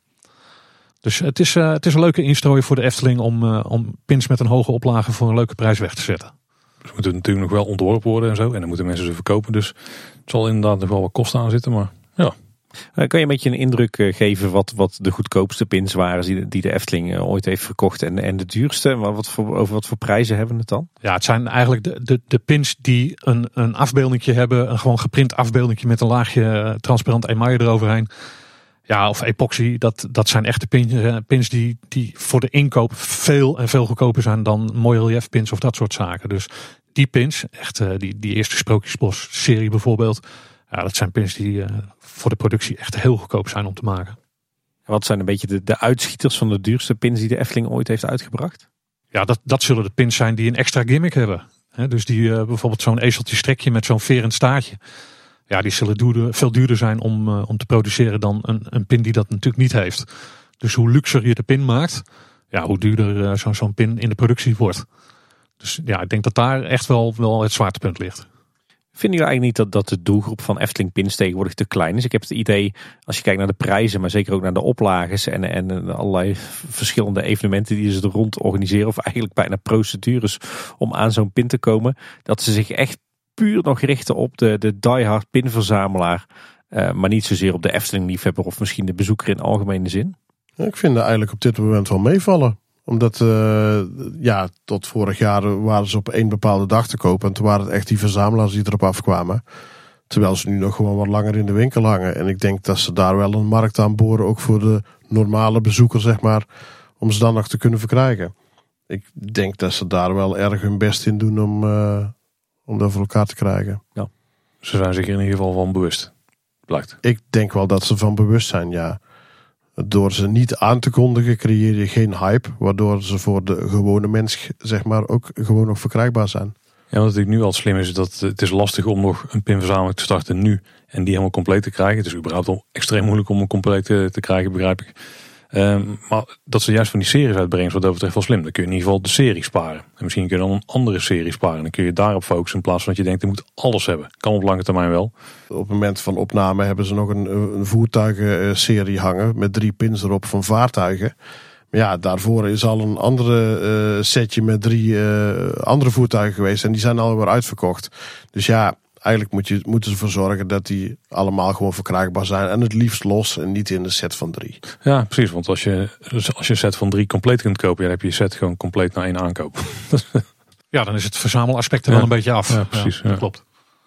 Nog wel afvroeg, want um, de Efteling heeft dus een hoop creatieve pins uitgebracht. Laten we ze zo uh, noemen, met zo'n gimmick, weet je wel. Het bewegend staartje of uh, het uh, tapijt dat op en neer gaat. Weet jullie hoe het dan zit? Zijn er dan dingen die ze vanuit de pinfabrikant aandragen van hey, dit is mogelijk? Of komt de Efteling dan vaak met zo'n idee en dragen ze die aan bij een fabrikant om te kijken of het überhaupt mogelijk is? Uh, als ik voor mezelf kijk, ik heb in het verleden wel eens geprobeerd om zo'n type pin te maken. Dan is dat bij een leverancier eigenlijk geen probleem. Mits de oplage maar groot genoeg is. Dus het, het, maken van een mal voor zo'n voor zo'n pin, dat is een beetje een technisch verhaal. Op het moment dat jij een pin ontwerpt, dan moet er eerst een slagmal van gemaakt worden ja, als jij uh, verschillende dingen wil, dat betekent gewoon, oh, ik wil een los staartje op de pin. Dat betekent dat daar dus een malletje voor moet komen.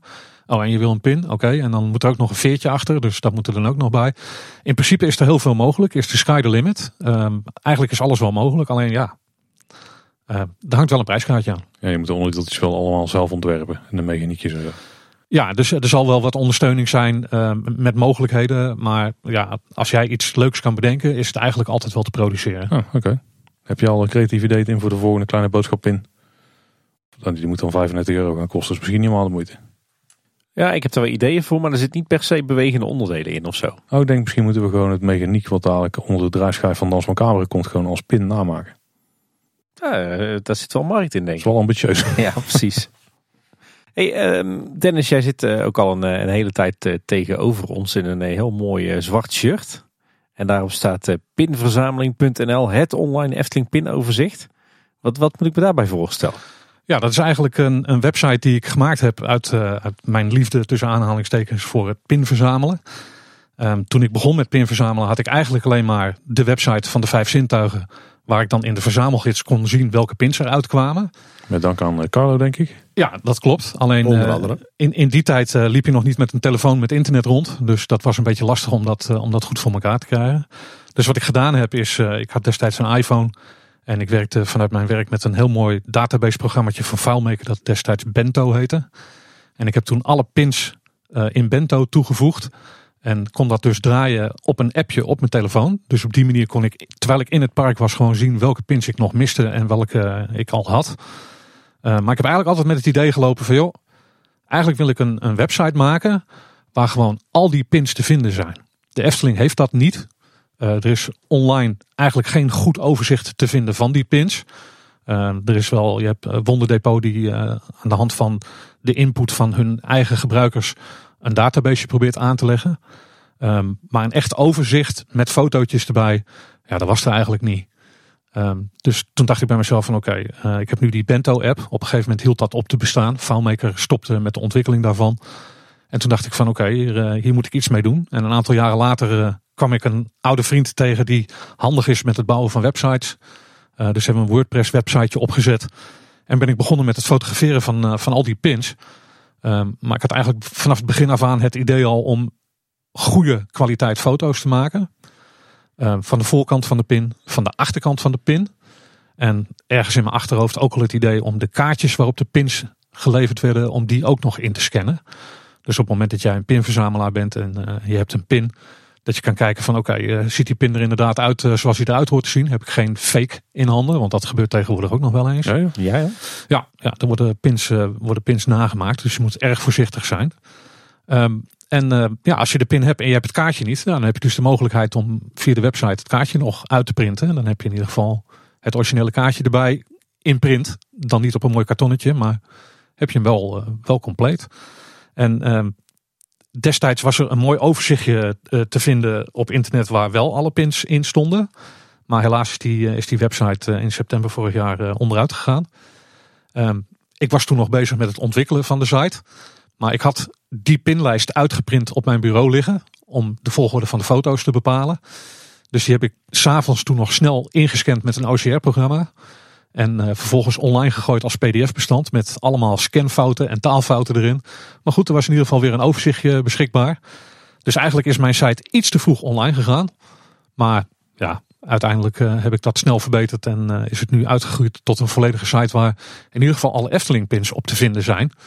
Um, dus ja, te bereiken via pinverzameling.nl of, en die heb ik er ook bij geregistreerd, www.eftelingpinparade.nl. Um, ik zag dat die vrij was, dus toen dacht ik van joh, Laten we die er ook maar bij pakken. Die is voor mij. Ja, ja, ja die linkt uh, gewoon door uh, naar mijn site. Dus kom je ook op mijn site terecht. En daar kun je dus buiten de informatie van de pins uh, ook nog eens een keer een, een compleet pdf-overzicht vinden van alle pins die er zijn. En op die manier ja, probeer ik eigenlijk de verzamelaars een beetje te helpen om hun verzamelingen ook compleet te krijgen. Want ja, je hebt gewoon geen, geen idee wat je moet verzamelen. Nee, nee, zeker niet met die aantallen natuurlijk. Nee, dat klopt. Je mag één even voor mij verduidelijken. Want je hebt dus de pins die jij zelf hebt ingevuld op pinverzameling.nl. Mhm.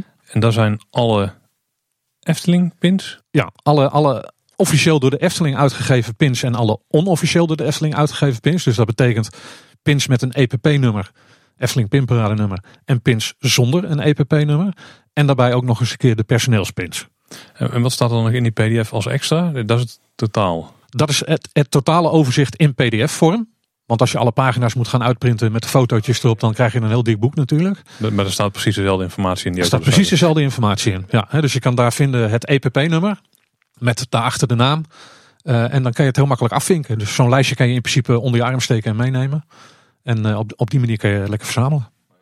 Als je de PDF uitdraait, dan heb je toch uh, een flinke boek onder je arm, denk ik. Het, is, het, het staat er redelijk klein op. Ik geloof dat je klaar bent met vijf of zes pagina's. Oh. Met, oh, dat is echt een lijst. Ja, het is oh, echt een lijst. Dus zonder foto's erbij. Ah, oké. Okay, ik wou zeggen. Maar het is wel tof dat je echt gewoon alles kunt doorstruinen. Dat alle pins met foto op die site staan. Ja, het is even werk geweest. Ik heb even berekend. Uh, ik denk dat ik er zo onderhand 800 uur aan besteed heb.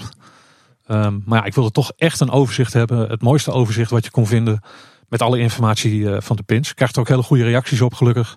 Het is allemaal nog niet zo heel erg bekend. Het moet nog een beetje uh, in, de, in de verzamelaarswereld bekend worden, heb ik het idee. Dus uh, nou, ik hoop dat uh, na deze uitzending er meer mensen zijn die gebruik gaan maken van die site. En op die manier lekker hun verzameling compleet kunnen krijgen. Of proberen te krijgen. Dat is het mooie van liefhebberij, dat mag veel tijd kosten. Ja, en niet alleen tijd, maar ook geld. ja. Dat kan Carlo ook al beamen. Ja, dat klopt. Wij hadden destijds ook afgesproken dat wij die site samen zouden gaan opbouwen. Maar uh, daar had je al heel snel in de gaten. Ik heb uh, iets meer te doen, Efteling praktijken. Dus ik had er gewoon simpelweg geen tijd voor. Dus ik heb dat op een gegeven moment helemaal aan, aan Dennis overgelaten. Ja, ik heb wel heel veel gebruik gemaakt van Carlo's input. met het maken van de site en de manier waarop we fotograferen en zo. Dus ik heb er wel degelijk wat aan gehad. Dus waarvoor nog dank. In dit geval. Maar ja, ik heb het inderdaad op een gegeven moment zelf opgepakt. Omdat ik gewoon merkte dat Carlo met zijn werkzaamheden rond de vijf zintuigen het ook gewoon enorm druk had. En dat kan natuurlijk, dat is geen enkel probleem. Hey, jullie hebben het al een paar keer gehad over officiële pins en onofficiële pins. Hoe, hoe zit dat nou precies? Um, ja, onofficiële pins, zoals wij ze noemen. Dat zijn dus de pins die wel Efteling gerelateerd zijn, maar niet door de Efteling zelf worden uitgegeven. Uh, of waar geen uh, Efteling pinparade nummer op staat. Nou ja, dan kun je denken dus aan uh, pins die uitgegeven worden door, door fansites of in samenwerking met andere bedrijven. En dat waren voorheen vooral de partners in kwaliteit, zoals ze werden genoemd. Zo is er bijvoorbeeld een Coca-Cola pin met lichtjes. er is een serietje uitgebracht met hollebolle gijs erop van appelsientje, chocomel, fristi en dubbel fris. Oh ja. Ja. Misschien wel bekend. Ja, zeker. dubbel fris kwam later nogmaals met een andere pin met een Afrika figuurtje van Carnaval Festival. er is ook zo'n pin van Fruitella. En uh, misschien kent iedereen die ook wel. Het uh, raketje van Ola in drie delen. Ja, ja. ja. En dan kreeg je bij aankoop van een raketje kreeg je dan kreeg je een van de drie delen volgens mij. En dan uh, ja, bij drie raketjes had je je ijsje compleet. Um, dat zijn eigenlijk meer de reclamepins van, van die partners kwaliteit. Maar je, had, je hebt ook, het vliegt eigenlijk alle kanten op bij verzamelaars. Je hebt ook de Holiday on Ice pin. Ja, de Holiday on Ice pin was een pin die destijds werd uitgegeven vanwege de Holiday on Ice um, ja, voorstelling die in de Efteling werd gegeven. Dus geen officiële Efteling pin. Er staat ook helemaal niks van de Efteling op. Het enige wat erop staat is Holiday on Ice. En heeft de vorm van een schaatsje. Wordt heel vaak vergeten door de verzamelaar. Maar het is wel degelijk een pin die in de Efteling is uitgegeven. Ja, maar wel volgens mij alleen voor de mensen die aan de show hebben meegeholpen. Heb ik ooit okay, begrepen. dat is mij niet Hij bekend. is niet te koop geweest. Oké, oké. Nou, en je hebt natuurlijk nog uh, de al onbekende Strorum pin die je eigenlijk voor niet al te veel geld over het algemeen wel kan vinden, omdat niemand er naar zoekt. Um, als iemand op Marktplaats gaat zoeken, zoeken ze toch altijd op Efteling pin. Ja, dan ga je niet op zoek naar een strorum pin, die je destijds gratis kreeg bij een scheutje strorum in, uh, strorum in, uh, in een warme chocomel.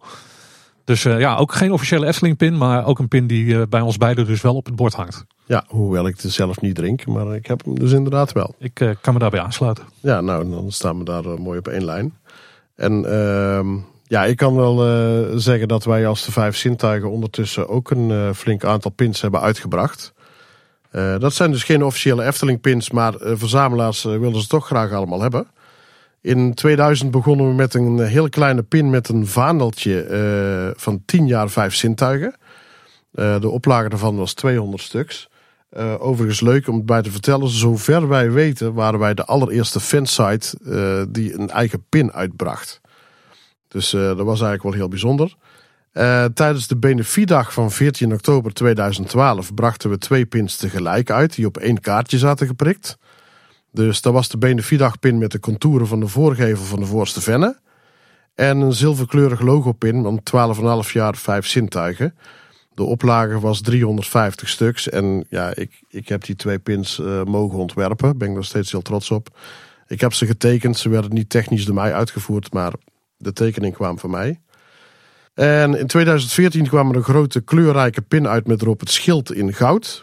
Uh, een pin die niet helemaal werd zoals de bedoeling was. Want het was eigenlijk de bedoeling dat hij als een tweede lager op kwam te liggen. Maar hij werd er als het ware zeg maar in, in 3D ingedrukt. En dat was niet helemaal de bedoeling. Maar goed, uh, ja, op dat moment hadden we hem nodig. Dus uh, het is wat het is. En uh, in 2019 brachten wij een heel klein pinnetje uit. Dat enkel bestemd was voor de deelnemers van de Efteling Pubquiz. En die oplage was slechts 120 stuks. Ja, ja. Dat is overigens ook een pin die bij mij nog ontbreekt. Die ik heel graag wil hebben. Maar ik heb hem nooit meer langs zien komen. Nou, ik ook niet, want ik ben hem kwijt. Oh, dat is helemaal snel. Ja, hij is heel klein. Dat is ja. eigenlijk onze eigen schuld. En op 1 maart 2020 verscheen uh, onze 20 jaar jubileumpin. Die was ook vormgegeven als ons uh, vijf zintuigen schild met daarin de horens van een bok verwerkt. Uh, dit verwees dan naar het Villa Volta web waar de vijf zintuigen ooit mee begon. De oplage daarvan was 350 stuks. En ja, ook die heb ik ontworpen. Uh, tijdens de eerste Efteling Antropiek verzamelbeurs in november 2022 hebben we een beurspin uitgebracht. Ook weer in een oplage van 350 stuks. Ja, en daar was dan de pin die we uitbrachten bij de première van onze spookslotdocumentaire. Mhm. Uh, deze keer hadden we de oplage flink verhoogd naar 650 stuks. Kijk aan. Maar die was ook de volgende dag al uitverkocht. En dat was, de, was in de vorm van het vleermuisje wat ooit door Ton van de Ven is ontworpen. Ja, schitterende pin. Ja, chic ja. Grappige anekdote met betrekking tot die pin is dat uh, Carlo mij uitnodigde om naar de première te komen. En daar ook echt mijn best voor te doen. Dus dat heb ik uiteindelijk ook gedaan. Waarbij ik uh, toen ik binnenkwam uh, lopen, Carlo trof met een grote grijns op zijn gezicht. Wijzend naar het verkooppunt van volgens mij moet jij je daar even melden. dus toen ik daar ging kijken, toen werd ik blij verrast met het feit dat er een nieuwe pin was uitgekomen. Wij hadden dat ook wel echt geheim gehouden, want wij wilden dat een, uh, als een verrassing houden voor, de, voor alle bezoekers die de moeite hadden genomen om naar onze documentaire te komen. We zagen het ook echt niet aankomen. Nee, dat klopt. maar dat was ook om te voorkomen dat we een heel plein uh, voor het theater ja. hadden vol met verzamelaars. En dat een randje want... sarcasme aan, Tim? Of? Een vleugje. een vleugje, ja. Een vleugeltje. En, uh, maar tussendoor hebben we als vijf zintuigen nog heel stiekem in 2019 een heel zeldzame pin uitgebracht. Namelijk die van ons schildje helemaal in kleur. En die was alleen bedoeld voor de teamleden. En de oplage daarvan is slechts 30 stuks. Ja, ik heb uh, nog geprobeerd om uh, Marvin te tackelen. Uh, in het weekend dat de première van de, de Spookslot documentaire er was. Want die had hem namelijk op zijn overhemd zitten. Dat klopt. En ja, die had ik toch wel graag van hem over willen nemen. Maar hij wou er geen afstand van doen. Jammer genoeg. En ook deze pins van de vijf zintuigen zijn terug te vinden op de site van Dennis op pinverzameling.nl. Ja, dan zijn we toch gewoon meer fanmedia die een eigen pin hebben uitgebracht. Hè? Ik geloof Loopings, Ochtend in Pretparkland heeft een hele mooie uitgebracht. Ja. Team Park Science meen ik te herinneren, Bart Baan. En zelfs wij hè. Zeker. Wij hebben denk ik toch wel de twijfelachtige eer dat we, zoals ik in de inleiding van deze aflevering al zei, dat wij volgens mij de kleinste pin ooit hebben uitgebracht. Ja, dat denk ik ook. En volgens mij van het rijtje wat je net noemt, denk ik de eerste. 2018, denk ik. Nou, daar was je er heel vroeg bij. Ja. Ja, ja was maar met avondboodschap was toen uitgedeeld. We zijn veel te goed voor de wereld, hoor ik al wel. Nou, ondertussen hebben inderdaad uh, heel wat fanmedia eigen pins uitgebracht. Uh, zoals jullie al zeiden, Team Park Science, Bart Baan Loopings en Kleine Boodschap. Uh, ook de Efteling Verzamelaarsclub brengt elk jaar een nieuwe pin uit. telkens met Eftelingse beelden daarop. Dan hebben we nog Eftel Wesley. Die heeft zijn logo uitgebracht. En het, een pin van het tienjarig bestaan. Uh, afgelopen augustus nog. Dan hebben we Efteling fan, Erik Rovers. Daar is hij weer. Die heeft een zomer- en een winterversie van zijn logo uitgebracht. En dan heb je nog Team Park Depot. Die brengt elke keer heel bijzondere pins uit. die zijn helemaal goudkleurig. Die zijn ook een stuk groter dan de gemiddelde pins. waaronder de, de, een pin van Baron 1998 en het Vogelrok-ei. Oh ja, die heb ik ook allebei, ja. Ja, die heb ik uh, ook besteld. Dus die heb ik ook in mijn collectie. Ja, die horen er dan weer bij. Maar ook het uh, personeel van de Efteling brengt zelfs wel eens pins uit. Zo is er uh, een personeel van de Meermin heeft ook een eigen pinnetje uitgebracht van het bord bovenop het horecapunt. Het personeel van het Silent Vergat heeft van 40 jaar Silent Vergat uitgebracht. Een hele mooie. Ja, maar daar, ik heb hem onlangs gekocht, maar nu heb ik gehoord dat dat ook wel best eens een neppert zou kunnen zijn. Want ook die wordt al uh, fanmate aangeboden. En er is een uh, mooie pin van restaurant Panorama. Ook uitgebracht door Team Park Depot volgens mij. Ik kan het mis hebben. Uh, maar dat is ook een helemaal in 3D gegoten gouden pin. maar ook mensen binnen de Efteling, andere mensen ook, die brengen ook wel eens pins uit. Zoals de, zoals de Efteling Motorclub Gli Gnomi. Weet jij of die nog bestaat, Dennis? Volgens mij was het een, een motorclub die deel of een, een, een huis had in um, de uh, herberg naast de Efteling. Ja. Uh, maar of de club nog bestaat, dat weet ik niet. Nee, dat weet ik ook niet. Maar ze hebben in ieder geval in 2004 en 2005 hebben ze een eigen pin uitgebracht ook. Um, een heel eenvoudige pin, maar wel heel erg leuk. Te, en die hoort ook bij de collectie. een leuk feitje daarbij is, Gligenomi heb ik even opgezocht. Dat is Italiaans voor de kabouters. En ik kan uit de betrouwbare bron melden dat de motorclub al een tijdje niet meer bestaat. Is, maakt het niet ingewikkeld dat er een hoop uh, ja, extra of hoe noemen, zijpins worden uitgebracht voor de verzamelaar? Want ik, weet niet hoe groot de drang is om die verzameling ook compleet te houden. Dus wat minder interessant misschien dan de door de Efteling zelf uitgebrachte pins. Maar Het voelt toch wel dat daar ook een soort van, eh, ja, maak je verzameling compleet rond Nou, het, het verbaast ons als vijf zintuigen ook. Dat we, wij hebben er in het begin gezegd, dan brachten we een pin uit en die was in, in de kosten uitverkocht. En dat verbaasde ons eigenlijk. Ik bedoel, wij zijn een fansite, we zijn niet de Efteling. En toch wilde iedereen die pins ook hebben voor een verzameling compleet te krijgen. En ik, ik merk aan mezelf dat het nu ook voor mij geldt. Want ik probeer dus ook al die fanmade pins eh, te verzamelen.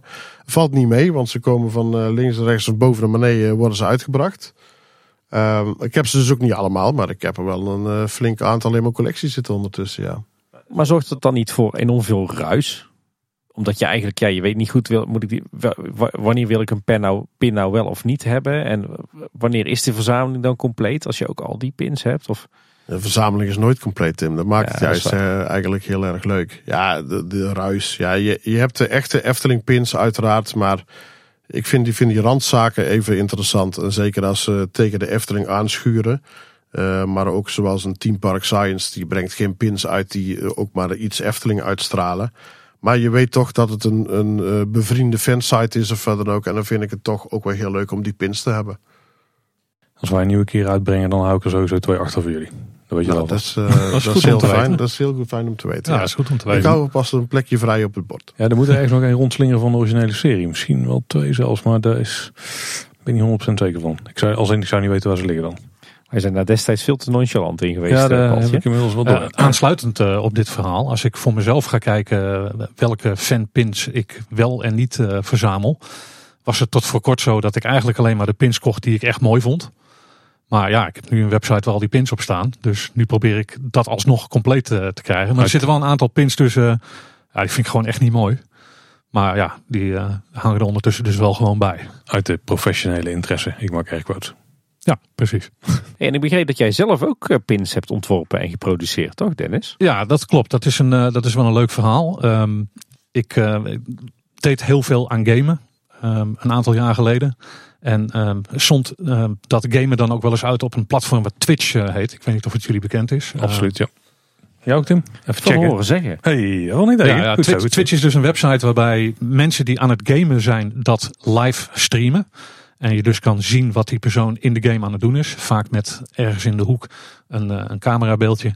En dan eh, aan de rechterkant een chat waarmee de mensen die naar die stream kijken dan ja, commentaar kunnen geven of kunnen communiceren.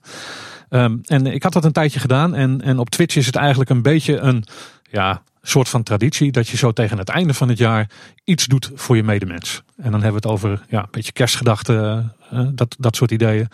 En toen dacht ik bij mezelf van oké, eh, ik wil iets doen voor mijn medemens. Ik ga iets met streamen doen. Ik ben gek op de Efteling. Welk goed doel zal ik daar nou toch eens voor kiezen?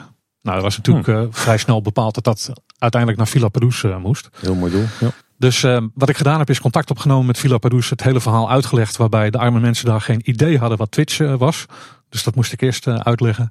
Ehm, en vervolgens eh, heb ik gezegd van nou, we, gaan dit en dit doen. Ehm, we, hebben een leuk idee om voor jullie wat geld binnen te halen. En eigenlijk om die, die opbrengsten een beetje ja, naar een goed niveau te krijgen. Had ik het idee om daar ook een pin bij uit te brengen. Nou, ehm, daar moet je dan natuurlijk eerst even toestemming voor vragen. Want we hebben het natuurlijk wel over het officiële logo van Villa Padus. Dat mag je niet zomaar gebruiken. En daar is eh, eigenlijk de eerste Villa Padus pin uit voortgekomen. Eh, die heb ik ontworpen. En, ehm, een, een pin met een witte achtergrond. En omdat ik, ja, ik moest die pins ontwerpen. En, en ik wist niet of ik er veel zou verkopen of niet. Een beetje aansluitend op wat, wat Carlo net zegt. Ja, je, je bent geen officiële Efteling. Dus hoeveel van die pins ga je verkopen? Dus ik had er in beginsel 50 laten maken. Nou, dat eh, kostte uiteindelijk al 300 euro. Dus ik vond dat ik al redelijk eh, investering had gedaan. Zeker. Want voor hetzelfde geld had ik ze niet verkocht en had ik er gewoon mee blijven zitten. Ehm, maar toen we uiteindelijk begonnen met streamen, eh, we hebben twee dagen gestreamd van 10 uur s morgens tot 12 uur s'nachts, waren die pins uitverkocht in 46 minuten. Oh, oké. Eh, ja, en dan loop je tegen een dilemma aan en dan kan je twee dingen doen. Je kan zeggen van nou, ehm, het is wat het is. We hebben ze allemaal verkocht en dit is een leuke opbrengst voor Villa Padus. Of je zegt van, joh, we moeten een manier gaan vinden om te kijken of we nog meer pins kunnen verkopen. Nou, ik ben zelf een verzamelaar. En als ik ergens een hekel aan heb, dat is dat als er een pin wordt uitgebracht waarbij een gelimiteerde oplage is, in dit geval 50 stuks, dat die persoon dan zegt van, oh, ik kan er meer verkopen, ik maak er nog 100 bij. Je wil die exclusiviteit gewoon een beetje bewaren. Nou, dat wil je voor jezelf en natuurlijk ook om Villa Padus uh, daarin een beetje te beschermen. je bent toch een beetje het visitekaartje van Villa Padus, dus je wil daar een beetje netjes mee omgaan. Dus toen had ik het idee van, nou, weet je wat? Die pin die ik heb ontworpen, die ga ik nog een keer uitbrengen. Maar dan met een zilverkleurige chrome achtergrond. Dus die ziet er dan wel degelijk anders uit dan die eerste pin. Nou, die pin heb ik uiteindelijk uh, nog 125 stuks van verkocht.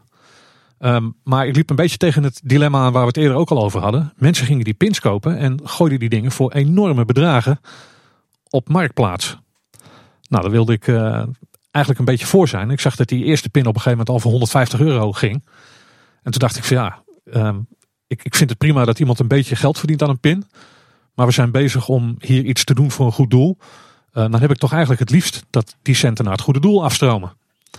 Dus wat ik toen gedaan heb is voor die zilverkleurige serie heb ik extra veel pins besteld.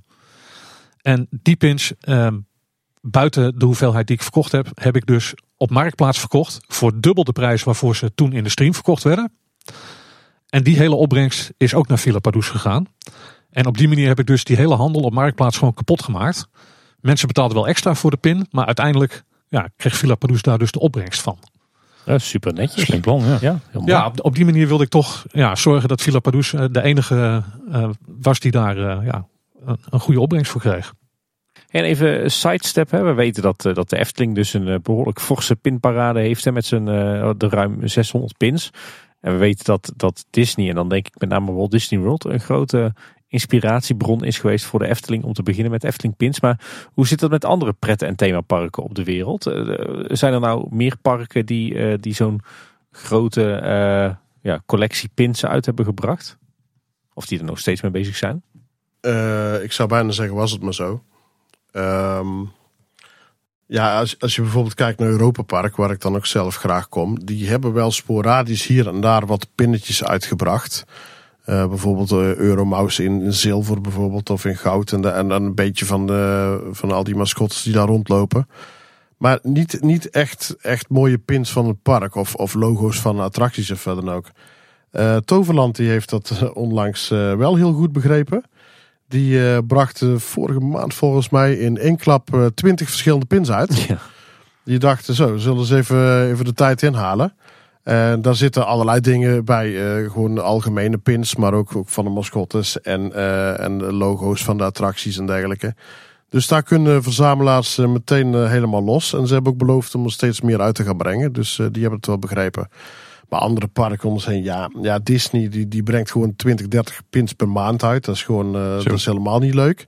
Ik neem aan dat je desondanks nog steeds wel verzamelaars hebt die alle Disney pins hebben. Nou, dat denk ik niet. Want ze komen in zo'n kleine oplages uit. Op een gegeven moment moet je gaan kiezen. Wil ik de pins met Donald Duck? Wil ik ze met Mickey? Uh, je moet op een gegeven moment wel gaan kiezen. En ze zijn dan ook nog eens een keer gebonden aan het land uh, waar op dat moment dat Disneypark zich bevindt. Dus ja, als jij in Nederland zit en je wil uh, Disney pins uit, van, van Disneyland ergens aan de andere kant van de wereld gaan, gaan verzamelen. Ja, dat is bijna niet te doen. Ja, en ze hebben in Disney ook heel veel van die, van die verzamelavonden, zeg maar. Dan moet je er s'avonds naartoe komen als verzamelaar. En dan is de oplage van zo'n pin uh, 250 of wat dan ook. En dan, dan worden die avonden ook weer speciale pins uitgebracht. Voor die verzamelaars die dan daar weer op afkomen. Met, met de pin trading pins. Met een, ja, daar houdt het gewoon maar niet op. En ik ben stiekem wel heel blij. De Efteling mag er voor mij echt wel meer uitgeven. Maar ik ben wel heel blij dat het niet in deze getalen gebeurt. Ook al zouden ze wel eens mogen kijken naar een, uh, naar de, hoe de pins eruit zien of wat dan ook. En, uh, maar goed, ja, andere parken, ja, en, net als een Fantasieland of zo, ja, hebben die überhaupt al ooit pins uitgebracht? Misschien één of twee, maar ze doen er eigenlijk niks mee. Dus je zou kunnen zeggen dat de Efteling en met name dan uh, Disney wel echt koplopers zijn op het gebied van pins. Die zijn echt wel koploper en uh, Toverland die rent er nu achteraan. Ja. Dat gebeurt anders nooit. Hey mannen, we hebben hier natuurlijk de experts op het gebied van Efteling pins tegenover ons zitten. Zijn er nou speciale Efteling pins met een heel bijzonder verhaal of die heel uniek zijn? Of uh, jullie hebben weten vast wat anekdotes. Uh, die weten wij denk ik wel, ja. Uh, sowieso zijn er wat vreemde eenden in de bijt. Oeh, heb je me gelijk getriggerd. Ja, bijvoorbeeld het speldje van de Efteling Club, wat in 1997 werd uitgegeven. Oeh, heb ik. Dat staat ook altijd stevast opgenomen in elk pinoverzicht. Maar dat is geen pin. maar dat is eigenlijk gewoon officieel gewoon een speldje. Eh, terwijl hij wel in het pinoverzicht uh, hoort. En dat geldt ook voor de muzikale paddenstoelpin uit 2022. De glazen kat musical pin en de zeven mijlzomerpins van Pardoes uit 2003 en 2004. Met de lichtjes erin. Uh, vanwege de dikte van die pins, in verband met een batterij, kan daar geen pinnetje met vlindersluiting op. maar is het een speltje geworden. Nog wel een leuk dingetje met betrekking tot die, tot die muzikale paddenstoelpin. Um, speldje pin. Je moet hem niet te vaak gebruiken, want als het batterijtje leeg is, kun je die niet vervangen. Dus ja, daar heb je gewoon pech gehad. Ik had sowieso niet verwacht dat je een leuk weetje had over die pin. Nou, bij deze. Ik vind hem vreselijk. maar goed. En dat heb ik met die, uh, met, met die Coca-Cola pin, met die knipperende lichtjes erin. Ja, maar daar kun je tenminste nog een, het batterijtje van vervangen. Ja. Dat kan bij de paddenstoelpin kan dat niet. Hoe lang ging je mee ook weer ongeveer? Uh, eh, 15 minuten aan ja, speeltijd. 15 minuten speeltijd, ja, dan is je leeg. Ja, ik vind het een mister eerste klas. Maar goed. Maar, maar, het verschil tussen een pin en een speldje zit hem gewoon echt in het sluitingsmechanisme eigenlijk. Ja, dat klopt. Een uh, pin heeft echt een, uh, klein uh, pinnetje achterop met een vlindersluitingje erop waar je eraf kunt halen. En een speldje heeft een soort broche-achtig sluitingje. Een soort ja, veiligheidsspeltje zeg maar wat er achterop zit. je wil extra goed oppassen dat je hem niet in je eigen vel steekt. Dan ja, moet, je, moet je wel op Als je graag een piercing wil, is dat wel de manier. Ja, ja. dat, uh, dat gaat wel goed. En uh, de Efteling heeft ook uh, een paar keer ontwerpwedstrijden voor pins uitgeschreven overigens. twee keer, zover ik weet. Namelijk in 2013 en in 2021. De ontwerpwedstrijd in 2013 leverde echter twee winnaars op, omdat ze niet konden kiezen. Dick Bertrums ontwierp de pin van het sprekende prinsesje. Eh, de papegaai dus, met een rood lampje in het oog. En Lianne Bart Bertrums, uh, waarschijnlijk zal het wel familie zijn, die kwam met een ronddraaiende pin van Knibbel Knuisje. En die pins kwamen het jaar erop in 2014 uit. En in 2021 kwam er nog een ontwerpwedstrijd en die werd gewonnen door Matthijs Jonkers. De opdracht was toen om een middenplaatje te ontwerpen in een metalen vorm gegeven pin, die vooraf uh, vastgesteld was. En Matthijs kwam toen met de langnek met de gebogen nek, die weer van bovenaf de pin in komt gekeken. Wat vonden jullie daarvan? Ik heb, uh, en niet om Matthijs, uh, vervelend tegen Matthijs te doen, maar ik heb heel veel mooiere ontwerpen gezien die echt Eftelings waren. Ik vond het een beetje een misplaatste knipoog naar een Efteling-icoon. Maar goed, dat was mijn mening. voor de rest ziet de pin er best wel leuk uit, qua kleuren en zo, maar zo'n bochelnek, arme langnek, die dan uh, al die moeite moet doen om alsnog in het frame te komen. Ja, ja ik vond het raar. Maar ja, je bent verzamelaar, dus je koopt hem toch weer, want dat hoort bij de collectie. Dus ja, eigenlijk maakt het niet uit wat ze uitbrengen. Heeft die pin kanon, want dan uh, zou uh, het langnek extreem veel nekwervels hebben. Dat hebben we dan bij deze wel bevestigd. Ja, anders kan hij die bocht niet maken. Ja. ja. Nou, eye-opener, Paul. Dan mocht er ooit een autopsie op plaatsvinden, dan kunnen ze het even dubbelchecken. Uh, buiten deze pins waar Carlo nu over eh, praat, is er nog een ontwerpwedstrijdpin. Uh, die hij even vergeet. en dat, dat was de pin die ontworpen is waar het meldje op te zien is. Van Assepoester. Ik ben er stil van. Ik heb het in de gaten. Overigens, die pin die hebben ze twee keer uitgebracht. Ben jij ervan op de hoogte? Ten eerste zaten de middenplaatjes die zaten er helemaal scheef ingeplakt. Ja, gedraaid. Ja. Die zaten gedraaid ingeplakt. Die kon je dan nog wel lospulken en rechtplakken, Allah. Maar uh, het merendeel van de pins waren ook nog eens heel veel steentjes die in de, rond, in de rand zaten, waren er uitgevallen. Dus die was echt heel slecht geproduceerd. En later hebben ze hem nog een keer geproduceerd. Maar ja, wat krijg je dan als verzamelaar? Dan wil je. Moet je ze allebei hebben. Dan moet je ze allebei hebben. En die heb ik dus ook allebei. En dan koop je ze gewoon nog een keer. Ja. In de lijst met pins staan die er dan ook dubbel in? Uh, nee, ik, ik hou het in principe bij um, één originele pin. Uh, er zijn meerdere misdrukken geweest van pins. Um, maar of ik kan er niet aankomen qua foto, uh, of ik weet het bestaan er niet van. Dus ik hou het in principe gewoon bij de pins zoals ze uitgegeven zijn door de Efteling. En misdrukken, ja, ze bestaan. Alleen ik ben niet op de hoogte van alle misdrukken. En dan moet ik ook nog eens een keer op zoek gaan naar iemand die dan toevallig zo'n misdruk heeft. Dus dat is ook nog lastig. Dus die 630 zijn, of 600 nog wat 30 zijn, dus echt gewoon de pins aan zich, niet met de misdrukken of de... Nee, dat klopt. Het zijn de uniek uitgebrachte pins. Ja. Met betrekking tot de ontwerpwedstrijd, uh, een leuke anekdote dat ik daar ook ooit eens een keer aan meegedaan heb. Ehm, ik heb een pin ontworpen van eh, het meisje met zwavelstokjes van het gebouwtje. Een mooie reliefpin in brons. Omdat ik het gewoon ja, eigenlijk best wel raar vond dat de Efteling nooit een pin heeft uitgebracht van dat kunststukje van Michel den Dulk. Hm. Ehm, maar ja, ik heb helaas niet gewonnen. Maar ik heb nog geprobeerd om het ontwerpje te vinden. Maar het is helaas verloren gegaan eh, met een computercrash. Dus, eh, dus die heb ik niet meer. Helaas. Maar wel een goeie. Die mag in de toekomst nog wel komen. ja. Zijn er nou ook pins die echt heel erg zeldzaam zijn eh, in de totale set die je kunt krijgen? Zou kunnen krijgen, moet ik misschien zeggen. Nou, je hebt altijd heel veel pins die heel moeilijk eh, aan te komen zijn. Eh, over het algemeen de personeelspins. En dan als heel mooi voorbeeld bijvoorbeeld de brandweerpin. Ik, dat, is echt een hele kleine oplage. Dat is een heel mooi soort wapenschildje van de brandweer, van de Efteling brandweer. Heel lastig aan te komen. Maar ook de serie van het Golfpark, die een aantal jaar geleden is eh, uitgebracht met als thema Reinaat de Vos. Eh, die serie bestaat uit vier pins, namelijk het naamlogo en drie vossenkoppen in de kleuren brons, zilver en goud. En daarvoor moest je een eh, gezinsgolfabonnement aanschaffen, wat 1600 euro kostte. Ehm, en dan kreeg je die pins daarbij. Een menig verzamelaar heeft geprobeerd om de serie op een andere manier te bemachtigen, maar helaas, dat was echt onmogelijk. Er zullen vast verzamelaars zijn die ze hebben, maar dat hebben ze dan eh, knap gedaan. Ja, ik kom helaas niet verder dan eh, de zilveren variant van deze pin. Nou, dan ben je al verder dan ik. Ik eh, zoek regelmatig op marktplaatsen om te kijken of ik ze nog tegenkom, maar ze worden steeds zeldzamer.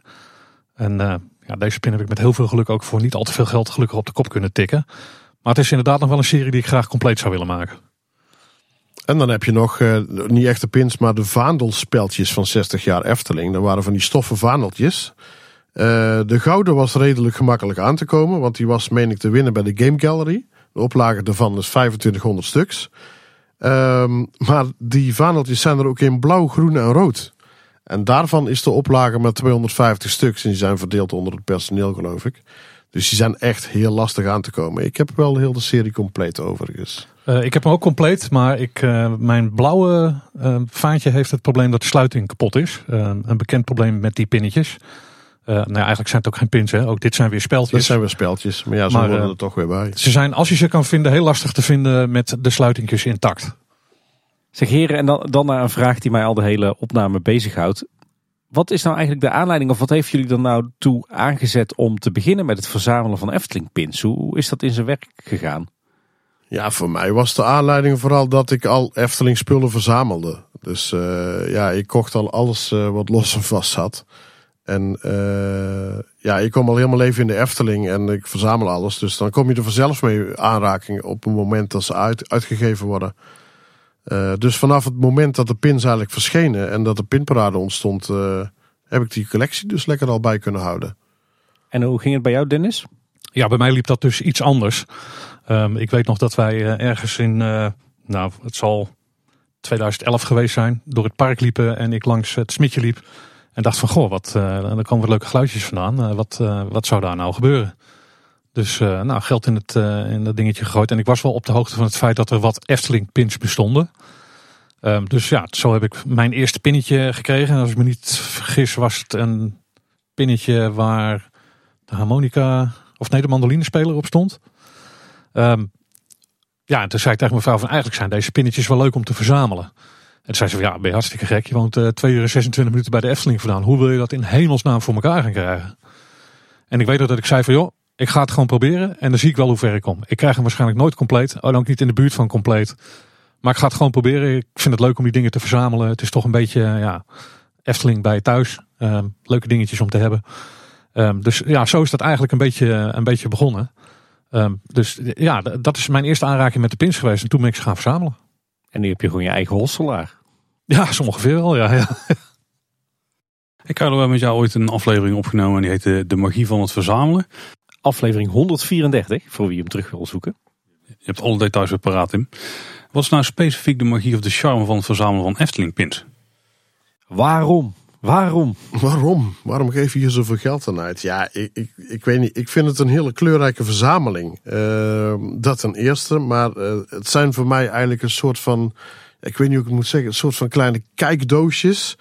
Uh, die een compleet beeld geven van het park. Dus alle attracties, jubilea, shows...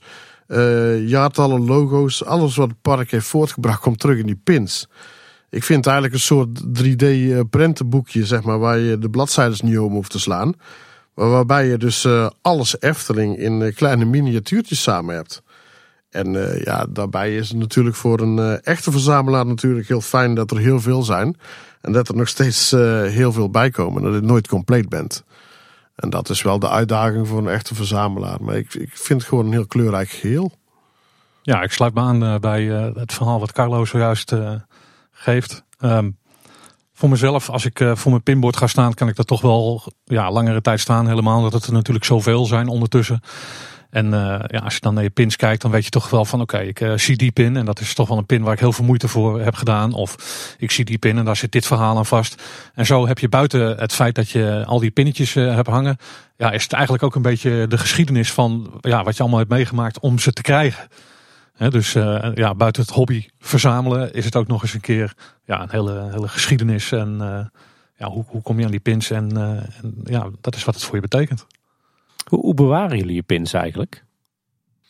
Uh, bij mij zitten ze geprikt op, uh, op borden met een kurken ondergrond. Ze komen van die IKEA, ik zeg het er maar even bij. die hangen op zolder. echter heb ik op zolder een schuine wand tegen het dak, dus dat is eigenlijk een beetje lastig. Maar toen kwamen wij samen op het idee om de borden schuin tegen de wand aan te hangen. met bovenaan twee scharniertjes en aan de onderkant een magneet. Um, zo kun je de borden recht naar beneden hangen als je de pins wil bekijken. Maar je kunt ze ook terug tegen de schuine wand klikken. Uh, om zo weer ruimte te besparen. Dus uh, ja, op deze manier heb ik ze eigenlijk uh, tentoongesteld. Slim, ja. Ja, ik heb een, een, iets andere manier gekozen om mijn pins tentoon te stellen. ik had er een fotootje van gemaakt, dus misschien dat die in de show notes terugkomt. Maar ik heb een, een groot ehm, ja, canvasbord laten maken van uh, een meter bij 1,20. Echt een enorm groot bord.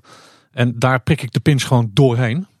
Um, en toen dacht ik van ja, ik heb uh, een heel groot bord. Maar als dat gewoon een wit bord is, dan is dat ook niet leuk.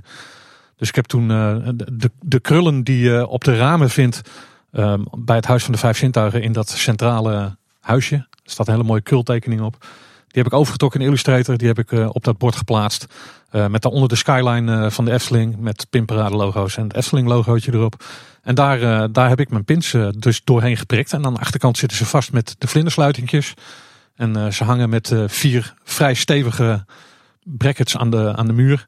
Want ondertussen is dat ding niet meer te huffen. Zoveel pins hangen eraan. Ja. Dus ik, denk, ik denk dat ik binnenkort ook over moet op een tweede bord. Omdat anders het, het canvas gaat scheuren.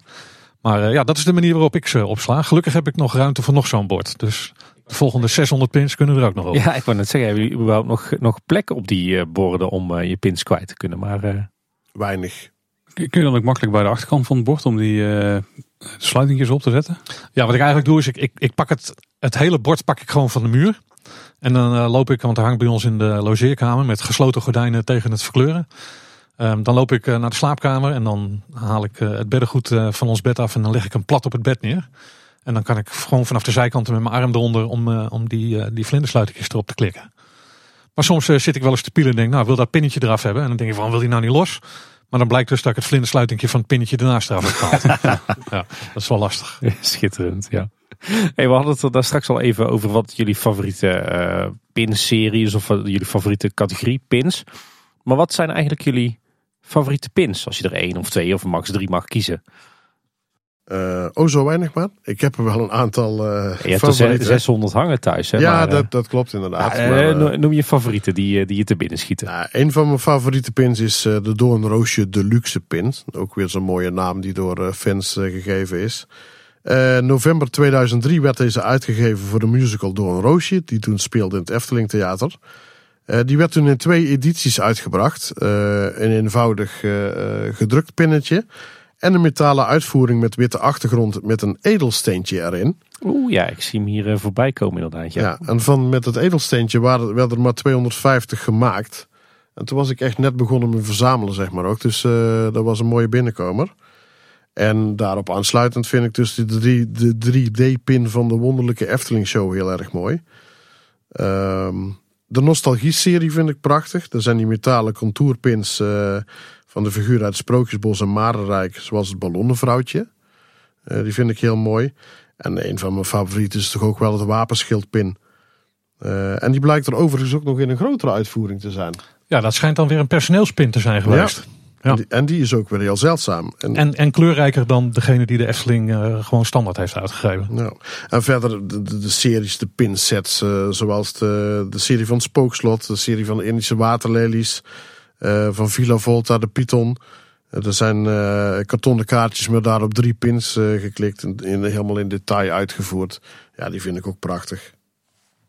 Ja, als ik ga kijken naar mijn favoriete pins, dan kom ik toch weer in die relief 3D pinnetjes terecht. Um, de echte bronzen uitvoeringen en uh, die echt heel mooi in detail uitgewerkt zijn. Dat zijn toch wel echt uh, de, de favoriete pins. Um, een mooi voorbeeld daarvan is de Ravelijn pin, maar ook de held van Ravelijn pin. Echt die methode van werken vind ik echt heel mooi. Maar ook ja, de Indische Waterlelie series, um, de, de Spookslot series, dat zijn echt wel, wel toppers aan het bord. Dus ja, dat, dat vind ik echt wel de mooiste pins die ik heb. En als jullie nou allebei één pin mogen noemen waarvan je zegt dat is mijn absolute lievelings. Wonderlijke Efteling show. Poeh, dat is een lastige vraag. Zoveel pins waar je uit moet kiezen. Welke vind ik echt de allermooiste? Ik denk toch uh, de wapenschildpin. Ja, dat is toch de favoriet. Ja, het zit wel ongeveer in dezelfde categorie dan toch? Ja, dat klopt. Ja. ja. Hebben ook een, een, pin waar een, eh, mooi verhaal achter zit? Dus een mooi persoonlijk verhaal of waar je heel veel moeite voor hebt gedaan om die te krijgen? Uh, voor mij heel veel moeite niet, maar vooral wel heel veel geld. En daar heb ik het straks al verteld. Uh, ja, op zich was het niet zo moeite om er aan te komen. Maar dat was de kick-off pin. Ehm, ja, dat, de moeite viel wel mee, maar ik heb er heel veel geld voor neergeteld. En hoeveel ga ik hier niet noemen. En de pin waar ik het langst naar heb gezocht is de derde versie van de lopende Pardoes. Maar dat probleem heb jij ook, Dennis. Ja, dat komt me maar allemaal uh, bekend voor. Was bij jou ook uh, de geruite versie die je nog miste als laatste? Uh, durf ik niet meer te zeggen. Maar een van de drie, de laatste was wel een heel grote uitdaging. Ja. ja, ik zag hem laatst langskomen. Degene die ik zocht voor 260 euro op Marktplaats. En toen heb ik er heel hard over nagedacht. Maar toen heb ik er maar snel vanaf gezien. Want wel grappig dat je een lopende Pardoes langs zag komen. Ja, ja, dat ook wel heel mooi. Dingen, ja. Hij loopt ook telkens weg, hè? Hij loopt, hij loopt ook heel goed als je te koop staat, ja. Ja, als je bij mij gaat kijken welke pin je het meeste moeite voor hebt gedaan. Ja, dat zijn eigenlijk een aantal pins. Uh, eentje daarvan is het Efteling lintje. Het uh, pinnetje wat wordt gegeven aan Efteling medewerkers die uh, ja, echt iets betekend hebben voor de Efteling. Um, en, en de pins die ik heb gekregen van Villa Pardoes voor mijn werk in de charity streams. Um, voor de, de twee charity streams die ik gedaan heb, waarbij ik bijna 11.000 euro bij elkaar heb gehaald en een hele hoop speelgoed gedoneerd. Um, heeft Villa Produce mij de, de serie met uh, vrijwilligerspins gegeven. Um, met daarbij het feit dat ik moest beloven dat ik ze nooit zou verkopen. Nou, als er één ding nooit zal gebeuren, dat is dat die dingen in de verkoop gaan. Um, even ter illustratie, de 15 en de 20 jaar pin heb ik alle twee al 750 euro voor geboden gekregen. Um, maar nogmaals, ja, die, die gaan gewoon echt niet weg. Dat, daar zit te veel, te veel trots achter. De meeste pins die ik heb langs zien komen vandaag, die zijn, die zijn echt wel mooi. Maar zijn er nou ook echt enorm lelijke pins? Of is er echt een die er wat jullie betreft bovenuit springt? Oh, ik heb me zo verheugd op deze vraag. um, nou, dus bij mij bij met stip op één uh, de pin, of het speldje van de musical De Gelaarste Kat. Laat die hier nu op tafel liggen, Carlo. Ja, die hebben we bewust meegenomen om hem uh, te illustreren, anders geloof je het niet. Dat is echt een lelijk ding. Dat is een uh, harig, pluizig geval dat niet eens herkenbaar is als pin. Uh, ja, als ik er één moet kiezen als lelijkste, ja, dan staat deze echt wel bovenaan mijn lijst hoor. Hij is ook gewoon slecht geproduceerd. De Dotte Kit, die zie je gewoon achterop ja, wat is het eigenlijk? Een stukje vult zit of zo, waar dan weer het speldje ja, aan vast zit. oranje pluizige veertje bovenop. het is gewoon echt, het is nog een deurmat is mooier hoor. Ik, ik denk als deze bij mij thuis in de woonkamer op de, op de grond zou liggen, dan zou gewoon de Dyson eroverheen gaan. Hè? Ja, dat ja, ik wou net zeggen, ja. ja. En uh, een, een, hele grote misser wat mij betreft is, uh, is geweest uh, de pingelijst. dat was een, een houten schilderijlijst van 30 bij 40 centimeter. Maar daarin een reproductietekening van Anton Pieck van het huisje van Hans en Grietje. Uh, de deur met de heks erachter, Hans en Grietje. Zelf zijn dan de pins die in die lijst op die tekening geprikt zitten. Maar ja, die deur aan zich alleen slaat al helemaal nergens op. En dan zie je de twee kinderen ook nog alleen van op de rug. Ja, ik heb, ik heb dat nooit begrepen. Uh, het was destijds blijkbaar de bedoeling dat de Efteling een hele serie van pingelijsten uit zou brengen. Maar dat is nooit van de grond gekomen. Uh, oorzaak was waarschijnlijk ook dat de verzamelaars hier echt furieus over waren.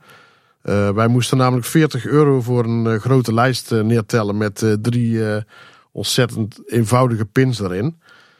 maar ik vraag me ook af hoe ze die serie voort hadden willen zetten. Want als je verder had gewild met die serie piektekeningen, dan was er geen enkele illustratie meer geschikt geweest. Want er zitten nergens kleine figuurtjes in die een pin zouden kunnen worden. Dus ik heb, ik heb de bedoeling daarvan nooit begrepen.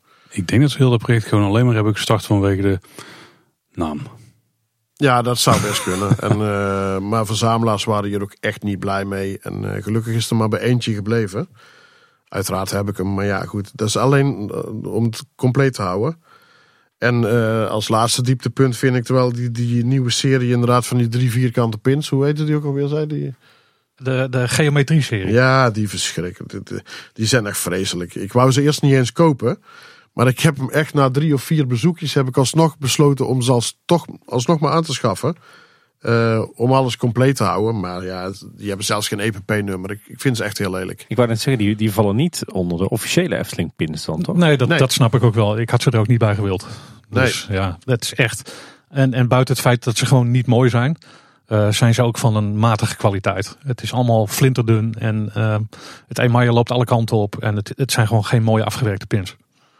En jij, jij, Dennis, heb jij zo nog een aantal pins waarvan je zegt van oh verschrikkelijk? Ja, ik ben het toch wel ernstig eens met wat Carlo zegt over de glaasde katpin. Het is uh, net een doodgereed bondje wat je, wat je zo uh, van de snelweg afpulkt. Nou, la, la, laat die maar gewoon hier achter dan. Het is, ja, het is echt een veredelde roodpizza aan een pinnetje. Ehm, ja, ik, ik heb daar niks mee. En, en die geometrie-serie waar we het er net over hadden, ja, dat zijn ook vreselijke pins. Um, en ik ga nog iets verder terug. Die hele Chocomel Fristy dubbelfris serie. Ja, op zich is het idee leuk, maar die dingen zijn van zo'n slechte kwaliteit dat ze alle kanten op verkleuren. Dus uh, als je die op je bord hebt hangen, dan zien ze er eigenlijk nooit meer uit zoals ze eruit hadden moeten zien. Omdat ze allemaal zo van kleur verschoten zijn dat het eigenlijk niet meer om aan te gluren is. Dus nee, dat, dat is ook een serie waar ik niet, uh, niet uh, erg blij mee ben. Misschien moeten we weer even naar de positieve zijde van de pins. Nou, of misschien ook wel niet. Want wat is nou de meest zeldzame pin in jullie collectie? In jullie ieders collectie? Nou, de meest zeldzame pin die ik heb is de, de kick-off pin. Uh, het verhaal daarachter is overigens. Uh, die pin die werd ooit ontworpen voor de jaarlijkse kick-off voor het personeel. Voor het seizoen 2004. Voor het personeel. En op de een of andere reden is deze pin destijds afgekeurd geweest. En uh, die werd nooit uitgedeeld. En naar het schijnt, maar ik weet niet of dat waar is. Maar naar het schijnt heeft toen één persoon een kleine greep in de voorraaddoos gedaan. En zijn er op die manier ongeveer 15 op de illegale markt beland. En daarvan heb ik er eentje. Maar ja, de andere zeldzame pins die ik heb, dan alle drie de vers van Lopende Padoes en de Platte Laaf serie. En ik heb destijds ook in de rij gestaan voor de Anton Pieck pin. Eh, toen die uitgegeven werd in 2011, er werden maar 250 exemplaren van uitgebracht. Dus die was ook heel zeldzaam. Je kon er toen slechts één per persoon kopen. In de praktijk liep dat anders, maar goed. Uh, maar later brachten ze wegen succes nog een heruitgave daarvan uit. Dus nog een keer 250, ja. Toen werd de pin natuurlijk een stuk minder zeldzaam en ook een stuk minder waard. Dat is wel jammer. Uh, maar ook de IAPA-pin heb ik in mijn bezit. Ook heel lastig aan te komen. IAPA is een pretparkbeurs. En de bijeenkomst werd destijds gehouden in de Efteling. En daar, naar aanleiding daarvan hadden ze een pin uitgebracht. Die heb ik hier ook bij me. Echt prachtig deze. Ja, een hele mooie uh, soort schildpin in 3D. Met een uh, plaatje erin van een, uh, van een heraut. En die werd uitgedeeld aan de genodigden. En ja, ik had het geluk dat ik er eentje heb gekregen van een van de genodigden. Dus dat is ook echt een hele zeldzame. En deze helemaal, want een van de ruitjes aan de rand is niet ingevuld met verf. Dus het is nog een, een soort misdrukje ook nog. En jij Dennis, wat zijn jouw meest zeldzame pins die jij in je collectie hebt? Ja, ze kwamen eigenlijk er net al een beetje langs. Maar um, het Efteling lintje is toch wel heel bijzonder voor mij. Uh, maar de vrijwilligerspins, ja, nog wel meer. Omdat, ja, je krijgt ze gewoon nooit. Um, ze hebben ze nooit verkocht. De enige manier om ze te krijgen is als je echt zoveel jaar vrijwilliger bent. Dus ja, ik kan me nog herinneren dat ik ze kreeg. Was echt flabbergasted. Uh, kon ik vijf minuten geen woord uitbrengen. Uh, heel, heel, heel bijzonder. Um, en een andere pin die ik heb, maar dat is een pin van mijn eigen ontwerp. Um, in de eerste charity stream hebben we een kleurendruk gemaakt voor de tweede gang. Die dus kwam na die witte pin. En toen was het kiezen tussen of een bronzen variant of een zilverchrome variant. En uh, toen heb ik samen met Carlo besloten om uh, de chrome variant maar te nemen. Omdat we niet heel erg onder de indruk waren van de bronzen variant. Maar die kleurproef uh, die hangt dus ook bij mij op het bord. ah, die heb je hier naar buik. Ja, precies. En daar heb ik straks op het einde nog wel een leuke anekdote over te vertellen. Over die pin. Maar dat zijn dus de pins die voor mij ja, het meest bijzonder zijn. Hey, hoe kopen jullie eigenlijk je pins? Dennis, van jou weten we dat je een mannetje hebt in de, in de Efteling die dat op, op bestelling doet. Ja, ja, Efteling fan. Ja, ja, Erik. Ja. Hoe gaat dat bij jou, Carlo? Hoe, hoe fix jij nou dat je al die pins uh, krijgt? Uh, ik probeerde altijd uh, op de dagen dat de pins uitkwamen, probeerde ik gewoon aanwezig te zijn. En dan rennen, vechten, ellebogen? Nee, ik heb niet gevochten, gelukkig. Maar de laatste jaren was ik wel een van die trouwe volgelingen die vroeg aan de poort stond om, om dan in de rij aan te sluiten om ook maar die bonnetjes te kunnen, aan te kunnen komen. Maar op die manier blijf ik dan helemaal bij. Maar nu de pins niet meer aangekondigd worden, probeer ik wel binnen een paar dagen dan de Efteling te bezoeken. Uh, en als ik twijfel of een bepaalde pin wel eens heel hard zou kunnen gaan, dan probeer ik iemand te vinden die de pin even voor mij meeneemt. Ja, bijvoorbeeld iemand die bij het heldendiner zit, samen met zijn gezin. En dan zegt van, hey Carlo, moet je kijken, er is een nieuwe versie van de Held van Ravelijn pin. Ja, moet ik die even voor je scoren? Ja, want de eerste versie was met een deurtje. En als je het deurtje open deed, dan zag je dus dat witte schild met alle kleurtjes erop. Alleen in de nieuwe versie uh, is de voorkant gewoon dicht en zit dat uh, witte schildje aan de achterkant vast met magneetjes. Ja, want dat is heel verstandig om dat aan kinderen te geven. Ja, dat is heel slim bedacht. Ja, los onderdeeltje aan een pin kunnen ze ook helemaal niet doorslikken of zo. Maar ja, dus sinds een paar weken is die pin pas verkrijgbaar. Die pinpas. De pinpas, ja. ja. ja. die heb je wel vaak nodig als je dit verzamelt. Want er is ondertussen al flink wat geld in gaan zitten. Nou ja, eh, ik zou zeggen, eh, kom maar op. Wat, hoeveel geld denk je dat er in je pinverzameling is gaan zitten tot op heden? Ja, jeetje, dat is moeilijk te zeggen. Maar ik, ik denk dat je al gauw richting de 3.000, 4.000 euro gaat. Misschien wel meer.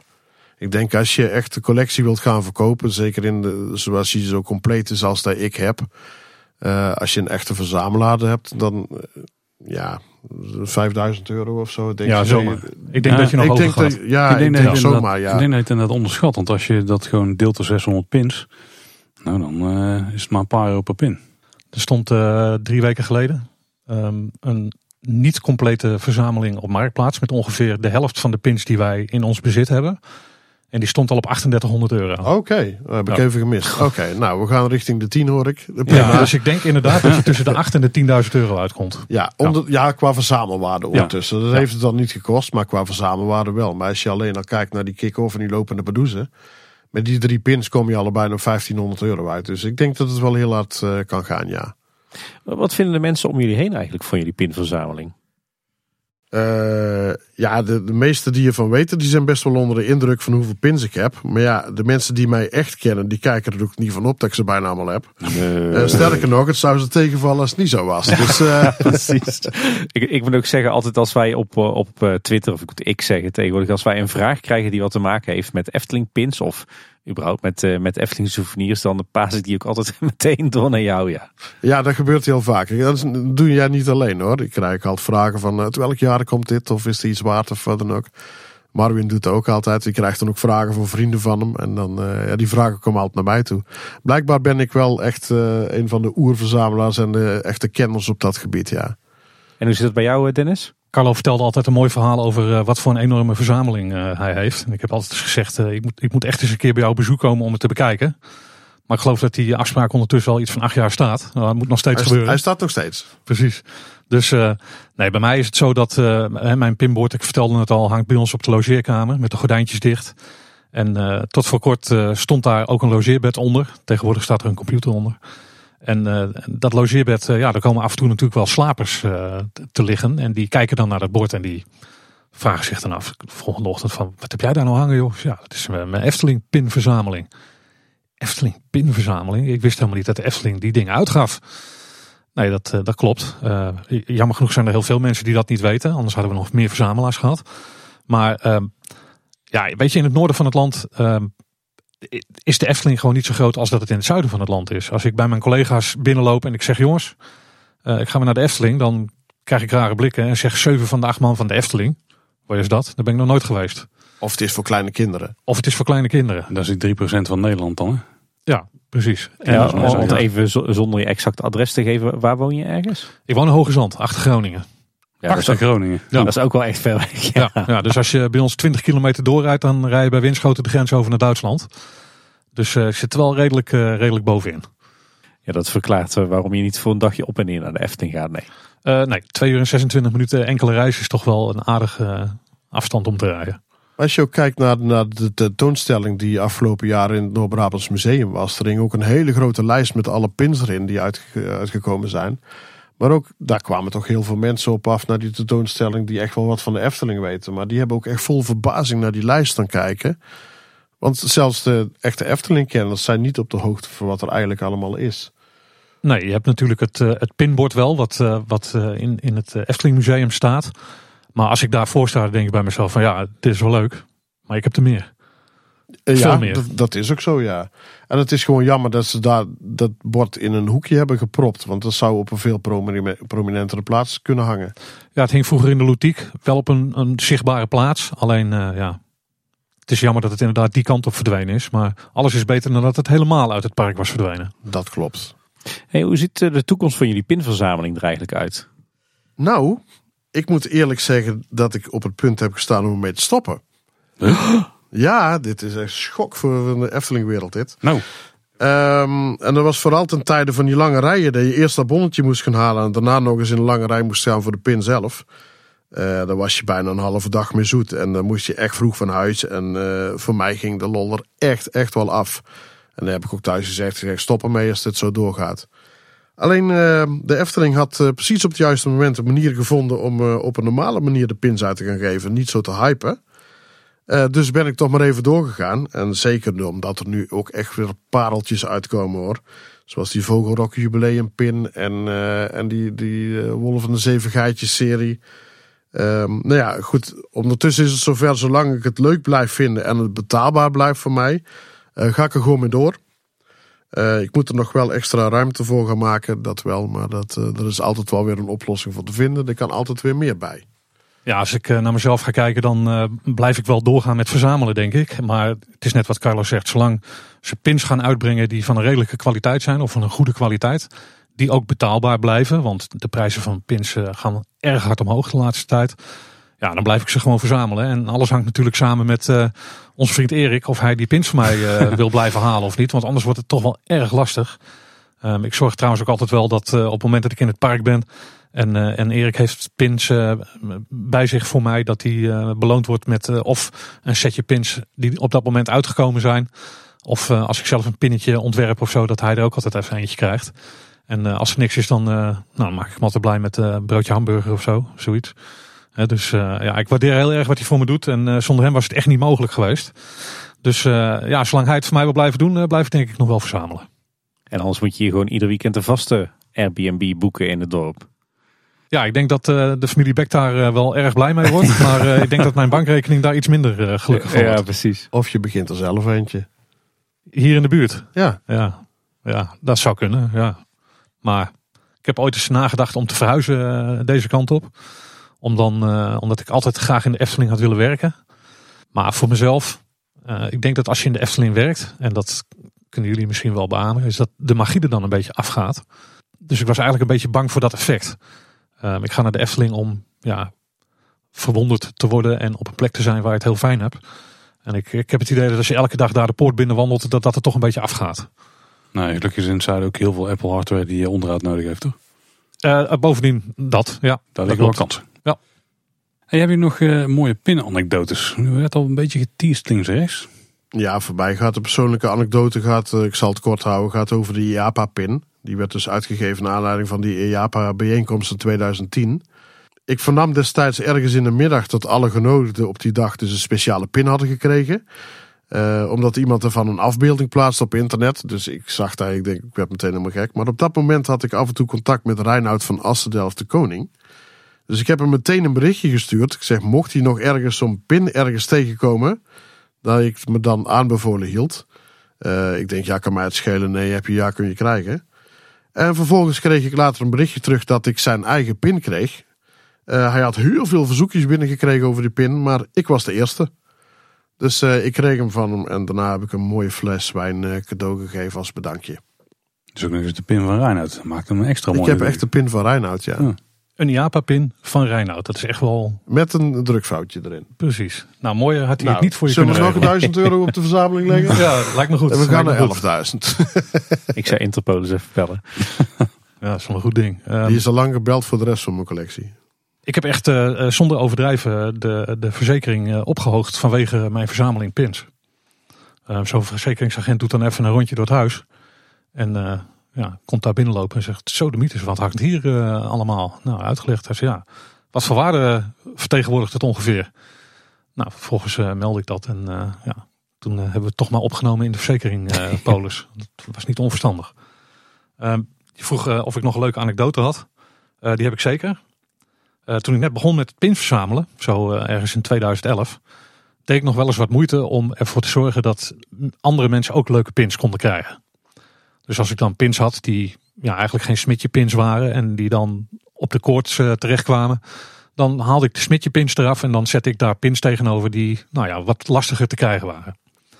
Zo stond ik een keer eh, in de Efteldingen en was er een gezinnetje, twee kindjes, een jongetje en een meisje. En eh, die stonden alle twee eh, nou ja, met een pinkoortje in handen en die probeerden hun pinnetjes te ruilen. Maar goed, wat ze hadden waren de pinnetjes die uit het smitje kwamen. En wat er op het koord hing, waren de pinnetjes die uit het smitje kwamen. Dus daar konden ze niet zoveel mee. Ja, ik denk, eh, ik moet toch een beetje die kinderen proberen te stimuleren om, om die pins te gaan verzamelen. Dus eh, ik had eh, mijn map met dubbele pins bij me. En ik heb tegen ze gezegd van, eh, dit zijn mijn dubbele pins. Geef jullie mij die smitje pins maar. En dan mag je elke pin uitkiezen die ik dubbel heb. Maakt niet uit welke je kiest. Nou, er werd wat gebladerd en eh, er werd wat gekeken. Totdat de oogjes eh, groot werden en begonnen te twinkelen. Bij de mooie gelaagde 3D-pinnetjes eh, van de Semimin. Eentje met eh, Guus Ganaal erop en eh, de andere met de Semimin zelf. Ehm, dat waren dus ook de pins die ze alle twee kozen. En nou, daar had ik geen problemen mee. En ik had die pinnetjes geruild. En ik loop naar buiten toe. En ik denk bij mezelf, wacht eens. Ik koop altijd pins als ik hier ben. En om die even op te slaan, doe ik die in die tas. Maar volgens mij had ik deze niet dubbel. dus ik heb die kinderen twee pinnetjes gegeven die ik zelf gekocht had voor mijn eigen verzameling. Die ik dus niet dubbel had en die zij nu dus wel hadden. Ehm, dus ik heb ze opnieuw moeten kopen. Maar ik had wel twee ontzettend gelukkige kinderen en twee ontzettend gelukkige ouders. Dus uiteindelijk was het wel de moeite waard. Dat is ook wel vraag, ja. Ik heb nog wel een heel klein leuk verhaaltje over Christine eh, in de Lutiek. Eh, ik kan me nog herinneren hoe de verkoop van die Anton-Pieckpin eh, in de Lutiek toe ging. Er waren dus maar 250 van gemaakt. En dat was de honderdste pinparadepin. Dus daar, daar hing ook eh, buiten goudkleurige ballonnen met honderd en op en dergelijke. Je mocht toen slechts één pin per persoon aanschaffen. Maar op dat moment waren er nog niet zo gek veel verzamelaars. Dus dat kwam me goed. Dus sloten enkele verzamelaars weer opnieuw aan in de rij. Toen de rij op was. Ik dacht, ja, daar, daar kan ik dus ook. Dus ik ben ook opnieuw in de rij gestaan in het winkeltje. Ben ik bijna aan de beurt. Ziet Christine mij staan. En die roept wijzend naar mij. En ga je het er al in gehad? dus ik zeg tegen Christine, ik zeg ja, ik zeg hallo. Ik zeg en de rest hier voor mij zeker niet. Ik zeg, die staan ook al voor de tweede keer in de rij.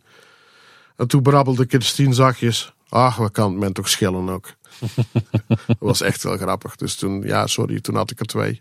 Grappig detail over deze pin, en ik weet niet of Carlo dat weet, is dat het kaartje waar die pin op zit, eh, lichtelijk verschilt. De eerste van de tweede serie. Dat klopt. Het kaartje van de eerste serie is zwarter en eh, die van de tweede serie is wat blauwer. Ehm, dus je hebt wel degelijk een unieke pin in handen. Ja, maar ik denk dat het ook vaak van dat soort dingen eh, te maken heeft met. omdat ze opnieuw gedrukt worden en dergelijke. En als ze op een andere machine worden geproduceerd of met een andere drukker erachter. Dan heb je al heel gauw eh, kleurverschillen. En ik zie bij verzamelaars wel eens inderdaad van ja, ik heb een rode en een, een iets minder rode en ik heb een roze. Ja, dat kan. Maar ik ben zelf drukker geweest, dus ik weet ook dat de kleur in een oplage wel eens kan afwijken of verschillen. En ik, ik zie dat nooit als verschillende pins. Dat is gewoon. Nee, ja, het kaartje dat- verschilt en de, en het de kaartje, maar dat is, dat is gewoon een proces van de productie. Of net iets langer in de zon hangen. Ja, dat kan ook nog. Of eh, ja, dat kan allerlei redenen hebben, maar eh, ik zie dat nooit als verschillende pins. Ja, een andere soort coating op het papier eh, kan ook al. Ja, dat kan ook. Of ander soort papier inderdaad al. Uh, andere anekdote die ik nog uh, heb, heeft te maken met die, uh, met die pins die ik gemaakt heb. Ik had die eerste serie pins dus heel snel verkocht. Vertelde ik al eerder. 46 ehm, minuten om 50 pins te verkopen. En vervolgens ja, hadden we dus de tweede serie die we moesten maken. En hadden we de keuze tussen een chrome achtergrond of een bronzen achtergrond. Nou, ik had met, met Carlo besproken van wat voor kleur achtergrond zou jij kiezen. Toen zei hij ook van nou, we kunnen of chroom of, uh, of brons uh, kiezen. Want ja, ik wilde natuurlijk wel even weten hoe Carlo daar, daarover dacht. En toen heb ik dus een opdracht gestuurd naar de drukker van joh, we twijfelen tussen deze twee kleuren. En toen kreeg ik in een envelopje een, een aantal pins toegestuurd. één chrome en één bronzen. Variant van die eerste pin. En uiteindelijk hebben we gekozen voor de chrome variant. En die bronzen variant heb ik dus op mijn bord gehangen. Dat was echt een unieke pin. Daar was er maar één van. Nou, wat blijkt nou? Ik zie elke dag dat ik langs dat bord loop, zie ik die pin hangen. En ik denk bij mezelf, ik heb die hele stream gedaan voor Villa Padus. Wat nou als ik die bronzen pin, waar er maar één van is, voor een heel mooi bedrag kan verkopen en dan doneer ik dat geld aan Villa Padus. Dus nou ja, er ging nog een paar dagen overheen, want ja, het is toch wel een unieke pin, dus die wil je eigenlijk ook niet kwijt. Maar goed, uiteindelijk toch besloten om dat ding op marktplaats te zetten. Toen kwam er een bekende pinverzamelaar, ik zal eh, zijn naam niet noemen. Uh, die bood daar echt een mooi bedrag voor. En dan hebben we het over vele honderden euro's. En toen dacht ik van ja, ik kan het niet doen. Of ik kan de villa blij maken met uh, het toevoegen van dat geld aan die donatie. Dus dat heb ik uiteindelijk gedaan. Ik heb die pin verkocht. Uh, met daarbij ook de melding van joh, het is echt een volstrekt unieke pin. Dit is wat het is. Nou, drie weken later gaat de telefoon. Ja, meneer, u had bij ons uh, pins uh, besteld. En uh, we hebben die chrome versie voor u gemaakt. Maar onze productiemedewerker heeft een foutje gemaakt. Die heeft de hele bronzen serie ook geproduceerd. Of ik die 125 pins wilde overkopen voor de helft van wat ze normaal kosten. En toen zei ik van ja, sorry, maar dat kan ik echt niet maken. Ik kan niet een pin verkopen die volstrekt uniek is. En dan zeggen van nou, ik heb er nog 128. En succes ermee.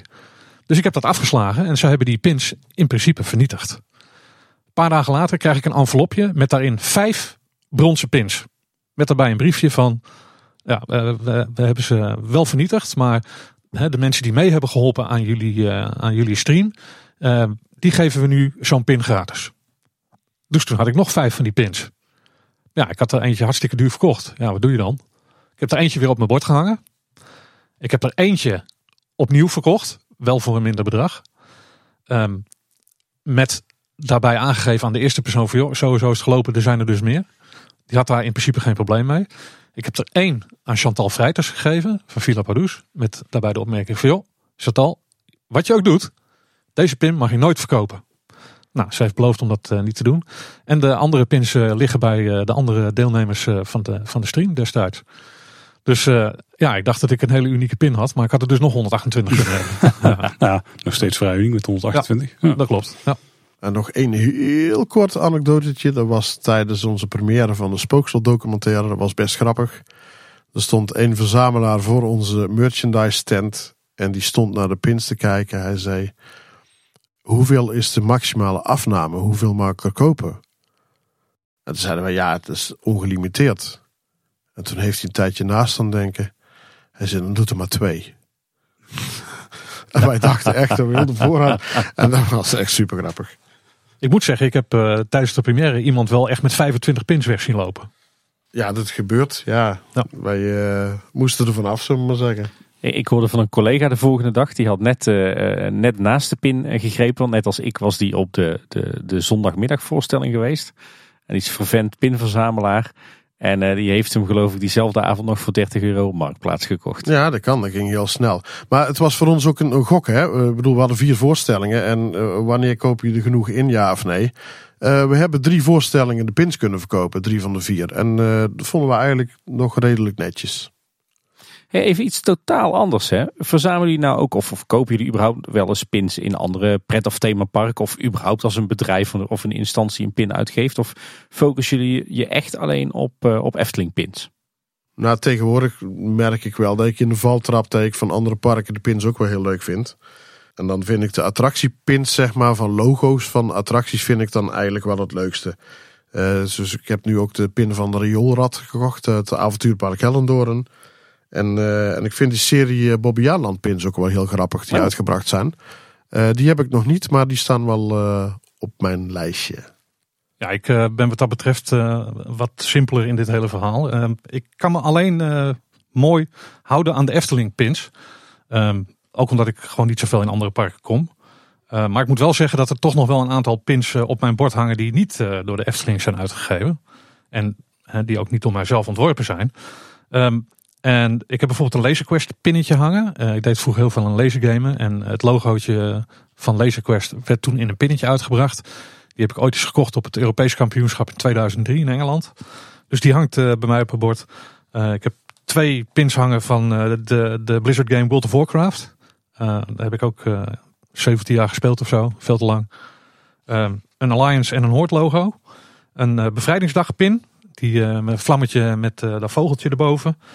En een pin van de 2008 Zomer Olympische Spelen. Ehm, ehm, die met eh, de, ja, de vijf kleurderingen. Ja, dus dat zijn de, de pins die ik eh, buiten de Efteling pins heb hangen. De vreemde eet, eenden in de bijt. Ja, precies. Ja. Hey, heren, misschien leuk om wat, eh, wat armchair imagineering te doen. Of in ieder geval de Blue Sky imagineering fase daarvan eh, is in te gaan. Wat zou de toekomst van Efteling Pins wat jullie betreft kunnen zijn? Hebben jullie nog tips voor de Efteling? Nou, wat ik zou graag, graag zou zien is dat de Efteling eh, wat meer zou doen met de pins. En het gevoel dat ze bij hun verzamelaars moeten opwekken. Ik heb wel eens het idee dat eh, de Efteling denkt van... oh jongens, we moeten even een pinnetje uitbrengen. En eh, ja, dan kiezen ze vaak voor, een, voor een simpele oplossing. Terwijl ze heel veel mooie dingen in het park hebben... die wel degelijk de moeite waard zijn om daar een pin van te maken. Als een jubileumpin bijvoorbeeld uitkomt eh, van een attractie... maak er een mooie magische klokachtig filmpje bij... en eh, presenteer aan het einde daarvan bijvoorbeeld een nieuwe pin... Je weet dat heel veel mensen naar die magische klokfilmpjes kijken. Eh, als je een pin presenteert, heb je een goed verkoopargument. Plus dat je ook nog eens een keer het verzamelen goed onder de aandacht kan brengen. Ehm, ja, dat is eigenlijk wel een ding wat, wat ik echt mis. En zoals ik eerder aangaf, als ik mensen op bezoek krijg en ze komen in de kamer waar mijn pins hangen, dan hoor ik eigenlijk altijd dat ze geen idee hadden dat de Efteling die pins uitgeeft. Maar dat kan ook te maken hebben met het feit dat ik aan de andere kant van het land woon. Eh, toch heb ik het idee dat eh, het pin verzamelen op zich, ook in deze regionen, eigenlijk helemaal niet zo bekend is. Eh, terwijl er echt wel hele mooie pins te verzamelen en te verkrijgen zijn.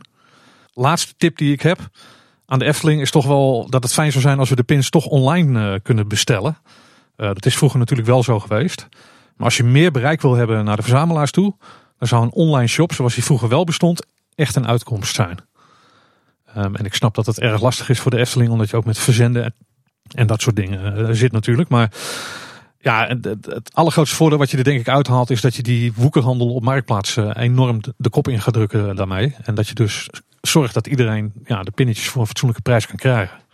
Ehm, een ander dingetje, eh, wat ik graag zou eh, zien, is dat de Efteling bijvoorbeeld een hele mooie luxe kast zou maken. Waar je je pins in kan verzamelen. Eh, denk aan eh, bijvoorbeeld het pinboard wat nu dus eh, in het Efteling Museum staat. Maak een variant daarop waarin verzamelaars echt heel mooi hun pins kunnen presenteren. Mag best een paar centen kosten, is geen enkel probleem. Het moet ook niet zo zijn dat je met een IKEA pakketje onder je arm door het park moet wandelen. Hè. Dus zorg ervoor dat dat bijvoorbeeld online beschikbaar is. Maar ja, echt een kast waarin je het kan opslaan, wat mooi vormgegeven is, een echt Eftelings gevoel geeft, zou denk ik een enorme toevoeging zijn voor heel veel verzamelaars. Nou, goede tips. De- Denk je niet dat je ook, ook nou, ik weet niet of je, of je zelf heel handig bent, maar dat je ook zelf een hele mooie Eftelingse vitrinekast zou kunnen maken of zou kunnen laten maken? Nou, ik heb natuurlijk eh, mijn eigen Efteling bord wel gemaakt. En eh er zijn ook wel ideeën om daar iets meer mee te doen. Alleen, eh, ik ben niet zo handig als het op hout werken aankomt. Dus of dat gaat lukken is een tweede. Misschien dat ik in de toekomst ooit eens wat met een 3D-printertje kan doen of zo. Dat heeft wat meer mijn interesse. Maar eh, ja, we- wellicht. Maar ja, als we gaan kijken naar tips voor de Efteling. Het is natuurlijk ook een hele mooie manier om extra inkomsten te genereren. Zeker. Zeker. Ja, ik ga wat meer in op details van de pins zelf. Eh, net als vroeger zouden ze eigenlijk eh, pins uit moeten geven bij de horeca en diverse versnaperingen. Zoals vroeger de Ola-ijsje en die Coca-Cola-pin. Dat stimuleert ook meteen de horeca-omzet. En ik zit dan ook te denken aan bijvoorbeeld een gratis pin bij afname van een bepaald menu.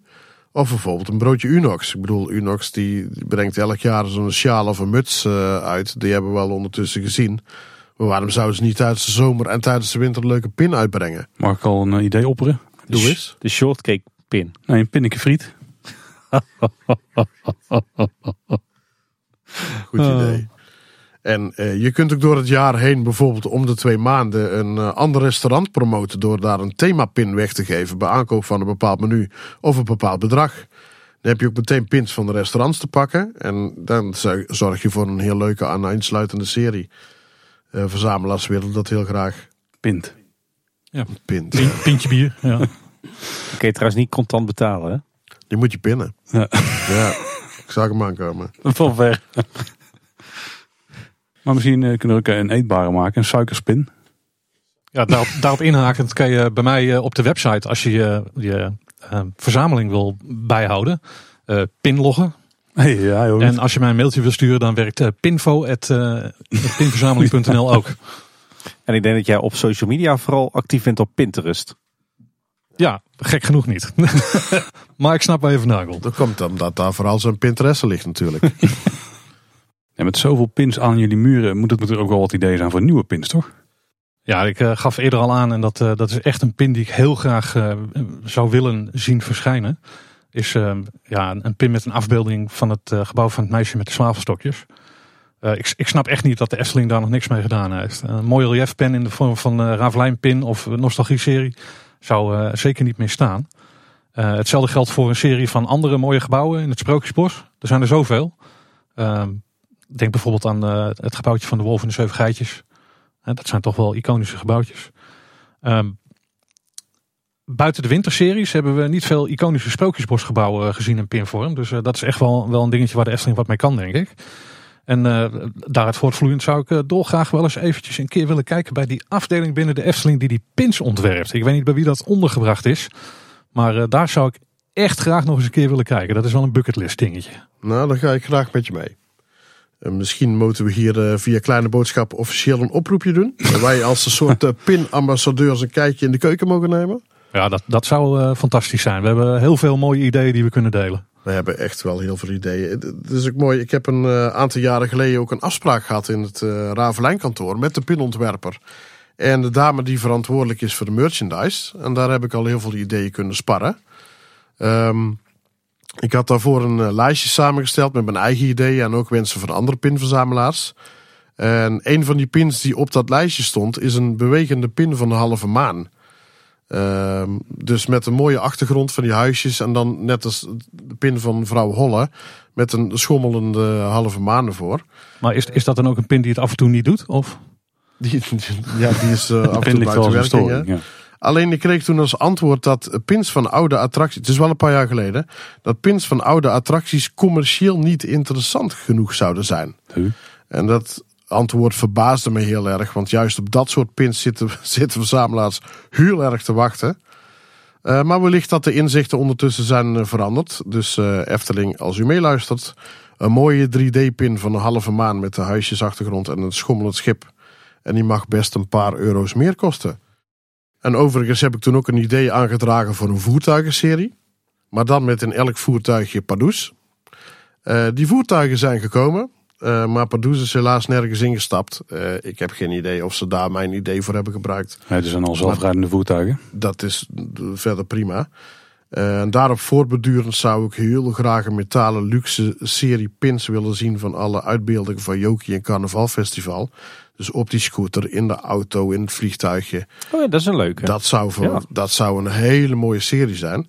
En misschien wel een heel mooi idee om die uit te brengen volgend jaar als het Carnaval Festival 40 jaar bestaat. Goeie. Uh, maar ik denk bijvoorbeeld ook dat de Efteling ook een heel grote kans heeft laten liggen in de huidige, bij het huidige Jokie Jet Zomerstrand. Juist daar had ik een hele mooie luxe pinset, uh, pinset van uitgebracht met het logo van het strand als kleurrijke hoofdpin. En een pin erbij van de Sombrero springkussen en van de Zandkasteel. Het was een prachtige serie geweest. Maar helaas, ja, laat die kans dan ook weer liggen. Ja, het zomerstrand komt terug hè, volgend jaar. Ja, dus, uh... daarom. Dus uh, dan hebben ze weer de tweede kans om, uh, om daar aan die serie ook, zeker omdat volgend jaar dus 40 jaar bestaat. Ehm, maar ik, ik heb wel meer ideeën. Ik zit ook te denken aan een, breng een op 3 de A3 formaat bijvoorbeeld een, een plasticachtige plattegrond uit van het Lavelaar. Eh, waar je dus alle huisjes op kunt prikken. Dus als je, dat je al die huisjes ook in 3D uitgevoerd kan uitschelen. Dat je op, op de juiste plek op de, op de plattegrond kunt prikken. Uh, of wat jij zegt van het huisje van het meisje met de zwavelstokjes of dat gebouw. Ik zou heel graag een hele grote, een grotere luxe pin zien van de skyline van Fata. Het kan zo eenvoudig zijn. Als je die in 3D uitvoert, wat groter, uh, ja, dat lijkt me prachtig. En nou komt die, hè, want die wil ik ook. Hè. Waarom is er nog steeds geen mooie pin van de Sprookjesbosbord? Oh. Die kun je toch in de zomer- en de winterversie gewoon allebei uitbrengen. Het, het design is er. Breng hem uit als pin. Dat is een goud idee, Carlo. Ja, die zou ik wel echt. Uh, en die mag ook weer wat groter zijn. Helemaal in detail uitgevoerd. Dus niet met een geplakt plaatje erin. Maar gewoon mooi in drie dagen uitgevoerd. Ja, dat lijkt mij prachtig. Ja, een toevoeging daarop als het om mooie pins gaat is... Uh, ja, typische authentieke Anton Pieck afbeeldingen. Uh, die je bijvoorbeeld vindt boven de ingang van Diorama. En dan aan de, aan de carouselpaleiskant. Oh ja. Dat bord. Ja, dat is, wordt volgens mij een ontzettend mooie pin als je daar een beetje aandacht aan besteedt. Maar ja, geef eens een nostalgie-serie uit. Een, een, een in memoriam serie met bijvoorbeeld een, een pin van de Pegasus. Of van, van horecapuntjes die gesloten zijn. Of er is echt nog heel veel mogelijk. En er zijn echt nog heel veel mooie pins te bedenken. Oh, die gaan echt als een malle, denk ik hoor. Tim is natuurlijk heftig gaten, denk je naast Ja, dat denk ik dus ook. Ja. E, even een gekke zijstap, hè? want je had het net over de wat grotere pins. Nou, weten we inmiddels waar jullie je, je pins bewaren. Maar lopen jullie ook wel eens met een pin op je kleding? Of op je tas of op je jas? Uh, uh, ik heb er twee weken geleden met één gelopen, maar dat was die vleermuis. Maar dat had een andere reden. Maar verder ga ik niet met Efteling pins lopen, nee. nee. Ik uh, sluit me aan bij wat Carlo zegt, want ik ben veel te bang dat ik ze kwijtraak. dus ik, nee, ik, ik loop nooit met pins op, nee. Nee, bij mij zitten ze ook veilig op het bord en dat is prima zo. Ik, ik had al zo'n voorgevoel. Ja. Um, ja, we, we, hebben eigenlijk ook wat vragen aan jullie. Oh, kom op. Als het om pins verzamelen gaat. Uh, verzamelen jullie zelf ook pins? Ik uh, begreep al een beetje dat Tim dat zeker wel doet. Uh, of doen jullie kinderen ook pins verzamelen? Ik denk dat ik nog in de gelukkige positie ben dat ze zich niet echt bewust zijn van het bestaan van al die series en zo. Ik maak er ook niet per se warm voor. Want ik ben bang dat als ik eraan zou beginnen dat ik ook die drang heb om alles te gaan verzamelen. En dat gaat me ontzettend veel tijd en geld kosten. En de, de ik wil de eerste stap gewoon niet zetten om dat pad op te gaan, zeg maar af en toe hebben ze wel, de kinderen die hebben af en toe wel gewoon een pin. Want bijvoorbeeld bij het heldendiner bij Ravelijn hebben we er ook een gekregen. En volgens mij hebben we nog een attractiepin al ergens rondslingeren van een achtbaan. Ik, weet niet precies. Nou, ik, weet de details ook niet. Maar die kinderen die stellen ook niet tentoon of zo. Die liggen gewoon in een bak met speelgoed. En dat is een van de dingen die wel eens tevoorschijn wordt getoverd. Ja, ja, precies.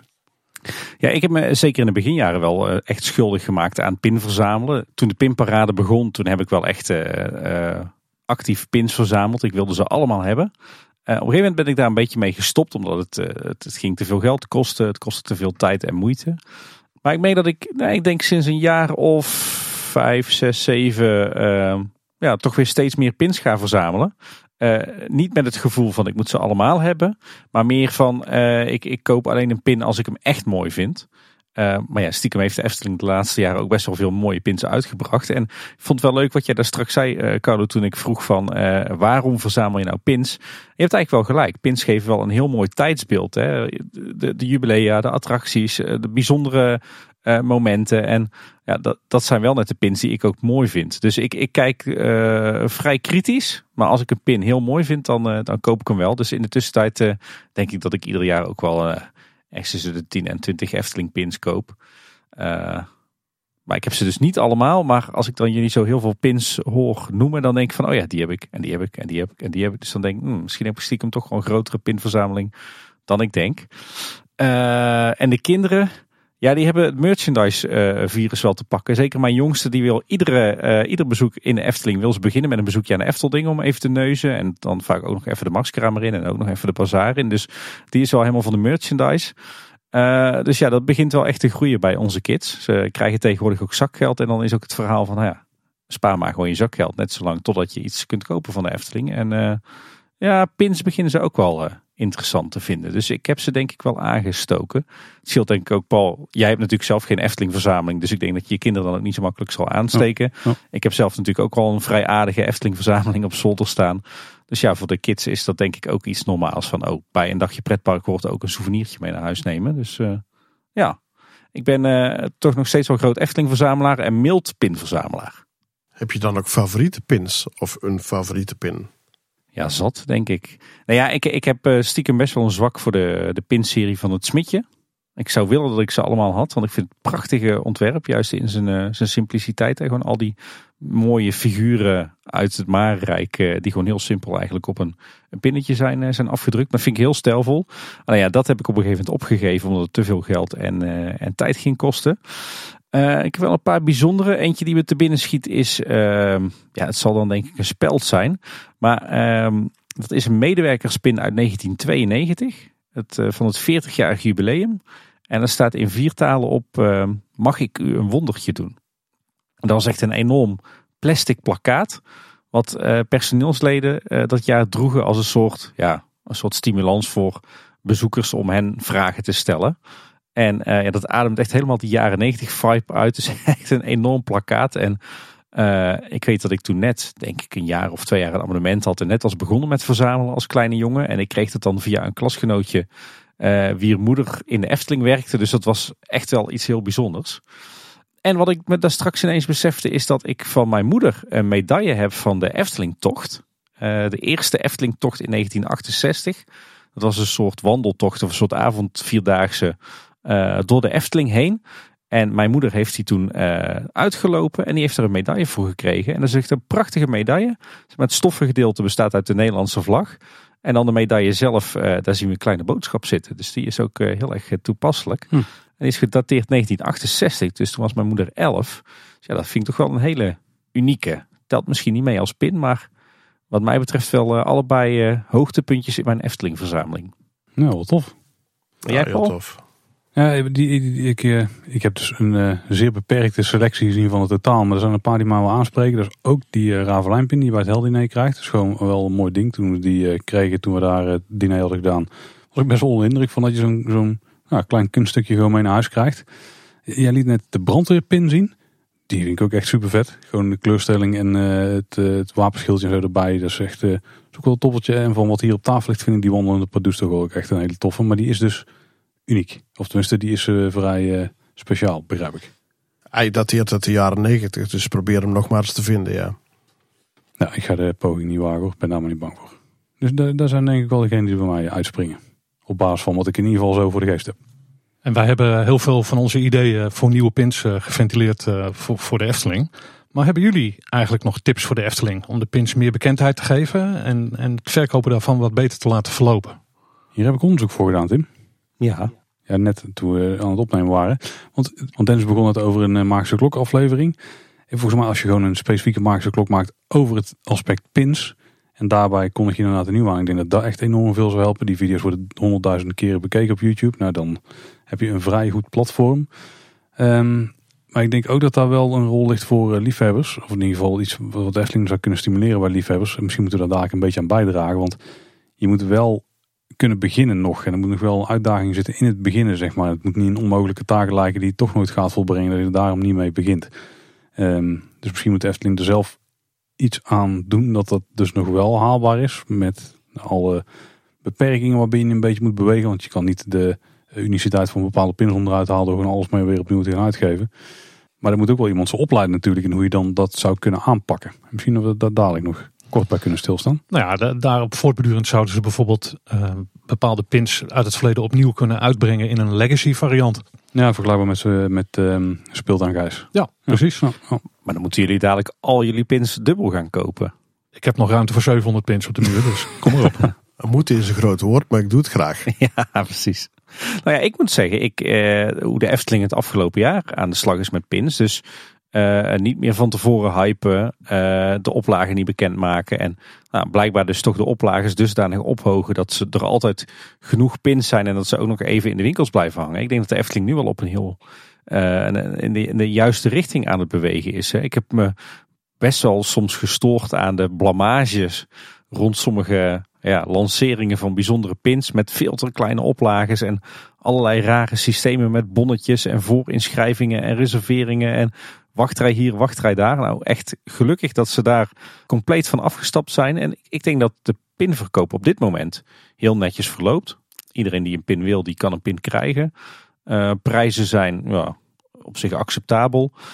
En ik denk dat het aanbod wat ze uitbrengen best mooi is. Ik denk dat, dat van alles wat er het afgelopen jaar is uitgegeven, dat ik meer dan de helft wel uh, mooi vond en ook daadwerkelijk heb gekocht. Dus wat mij betreft zou ik willen zeggen, ga vooral zo door zoals jullie nu bezig zijn. En misschien ook een redelijk laagdrempelige manier om mensen aan de pins te krijgen is als je nou bij alle acht banen, dat je daar een specifieke pin van uitgeeft, die ook gewoon heel lang in de, de collectie of, of op de, bij de balies mag liggen, in een klein displaytje om die aan kinderen te geven. Ouders moeten die dan wel kopen. Als ze zo'n achtbaan voor het eerst doen. Want het zijn toch wel een beetje mijlpalen zeg maar, in je Efteling bezoekerscarrière. Zeker bij een hoop abonnementhouders. Want die gezinnen, werken, ik merk het nu, die werken echt op naar van wanneer ze weer de volgende achtbaan in mogen en in durven. Schuldig. Ja, en als je, iedere keer als je daar dus uitkomt, je hebt er eventueel ook een, een displaytje van of een bordje. Wat ze misschien updaten als er een keer een nieuwe baan maar komt van ik heb er weer eentje en ik kan er weer eentje bij prikken. Het is wel een mooie manier om die mijlpaal te vieren. En ook een soort kleine beloning voor het kind als ze dan toch die stap nemen om uh, zo'n baan in gaan. En je hebt meteen weer een mooi collectors item erbij. Ja, het, is wel, het zal al langer moeten liggen, want die dingen moeten dan echt jaren dus beschikbaar zijn. Maar ik denk dat zoiets wel zou kunnen helpen om mensen die pinverzameling in te sleuren. I survived Vogelrok. Dat is toch wel een prestatie van je welste. Ja ja, ja. ja, en ik denk dat het er ook gewoon in zit. Als je pins wil verkopen, dan moet je ze wel willen verkopen. Hè. Nu hangen ze natuurlijk in kleine aantallen in de marskramer. Maar ik zou zeggen, maak in iedere souvenirwinkel in de Efteling gewoon één wand. Waar je gewoon een, een aardig aanbod aan allerhande soorten pins hebt. Dus zorg dat ze in iedere winkel zichtbaar zijn. En, uh, en dat er een, 10, 20 verschillende pins te koop zijn dan stimuleer je volgens mij ook echt dat ook de normale bezoeker denkt van hé, hey, dit zijn leuke cadeautjes en voor een aangenaam prijsje. Want niet iedereen heeft het geld om grote souvenirs te kopen. Als je toch voor een paar euro een leuke pin uh, kan kopen of aan je kind kan geven, lijkt mij een heel aangenaam uh, souvenirtje. Ja, ik hoor net dat, uh, dat Paul en Tim maar mee moeten naar de Efteling om met Dan gaan we toch met z'n vieren. Ja, lijkt me gezellig. Alleen het idee van die achtbaanpins was ik niet zo blij mee. Want vanwege mijn uh, technische gebreken, zeg maar, dan, kan ik niet in achtbaan. Dus dan heb ik die pins niet meer. Schop je hem nee, anders achtbaan in en dan pak je de pin af. Oh, doen we dat. Je kan de pins nog steeds gewoon kopen. Oké. Je hoeft er niet al, je hoeft er niet in. Je kan gewoon naar de uitgang van de attractie lopen en de ding scoren natuurlijk. Hè? Nou, eh, dat waren volgens mij onze vragen naar de mannen wel. Ja, weet je wel, ja. Dan hebben we nog een klassiek setje uitsmijters voor jullie. Wel de uitsmijters de luxe variant weer in dit geval. Een beetje toegespitst op het gezelschap. Ja. Um, want ik weet eigenlijk niet of we die vraag ooit aan Carlo hebben gesteld. Zo niet, dan halen we daarbij deze in. En dan beginnen we even met, wat is jullie mooiste Efteling herinnering? Oeh, moeilijke vraag. Als je er al, uh, al 40 jaar komt. Uh, ik kom er vanaf mijn jeugd al, zeg maar, vanaf de jaren 70. Ben ik al zo oud? Ja, sorry, ik kan er niks aan doen. Dat gaat gewoon door. Um, ik weet wel dat ik het huidige Marenrijk heerlijk vond. Met die grote speeltuin tussen de bomen en overal zand in plaats van bestrating.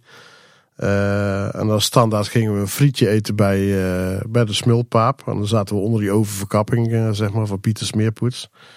Uh, ja, dat zijn wel mooie herinneringen. En niet te vergeten met het oprijden van de parkeerplaats. Dan kom ik weer als verzamelaar. als je met de auto de parkeerplaats opreed, dan stond daar een, een medewerker met een grote lederen tas. Uh, dan mocht je dan drie gulden afrekenen voor het, uh, voor het parkeren. Maar uit die tas hing dan een rol met stickers. En dan kreeg je dus zo'n sticker, een parkeersticker. En het was elk jaar natuurlijk weer een verrassing uh, wie of wat er op die sticker zou staan. Dus dat vond ik elk jaar weer spannend. En zo is de verzamelen voor mij ook eigenlijk wel begonnen. Samen met de standaard aankoop van nieuwe jaarboekjes. En die kocht ik dan bij de Marskramer, wat toen nog een, een open pleintje ja. was, zeg maar.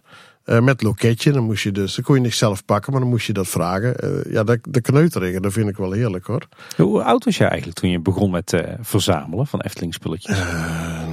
ja, ik, ja, dat is lastig. Kijk, je ging met je ouders naar de Efteling en dan, ik mocht altijd een souvenirtje uitkiezen. Dus dan werd dat altijd dat jaarboekje, sowieso.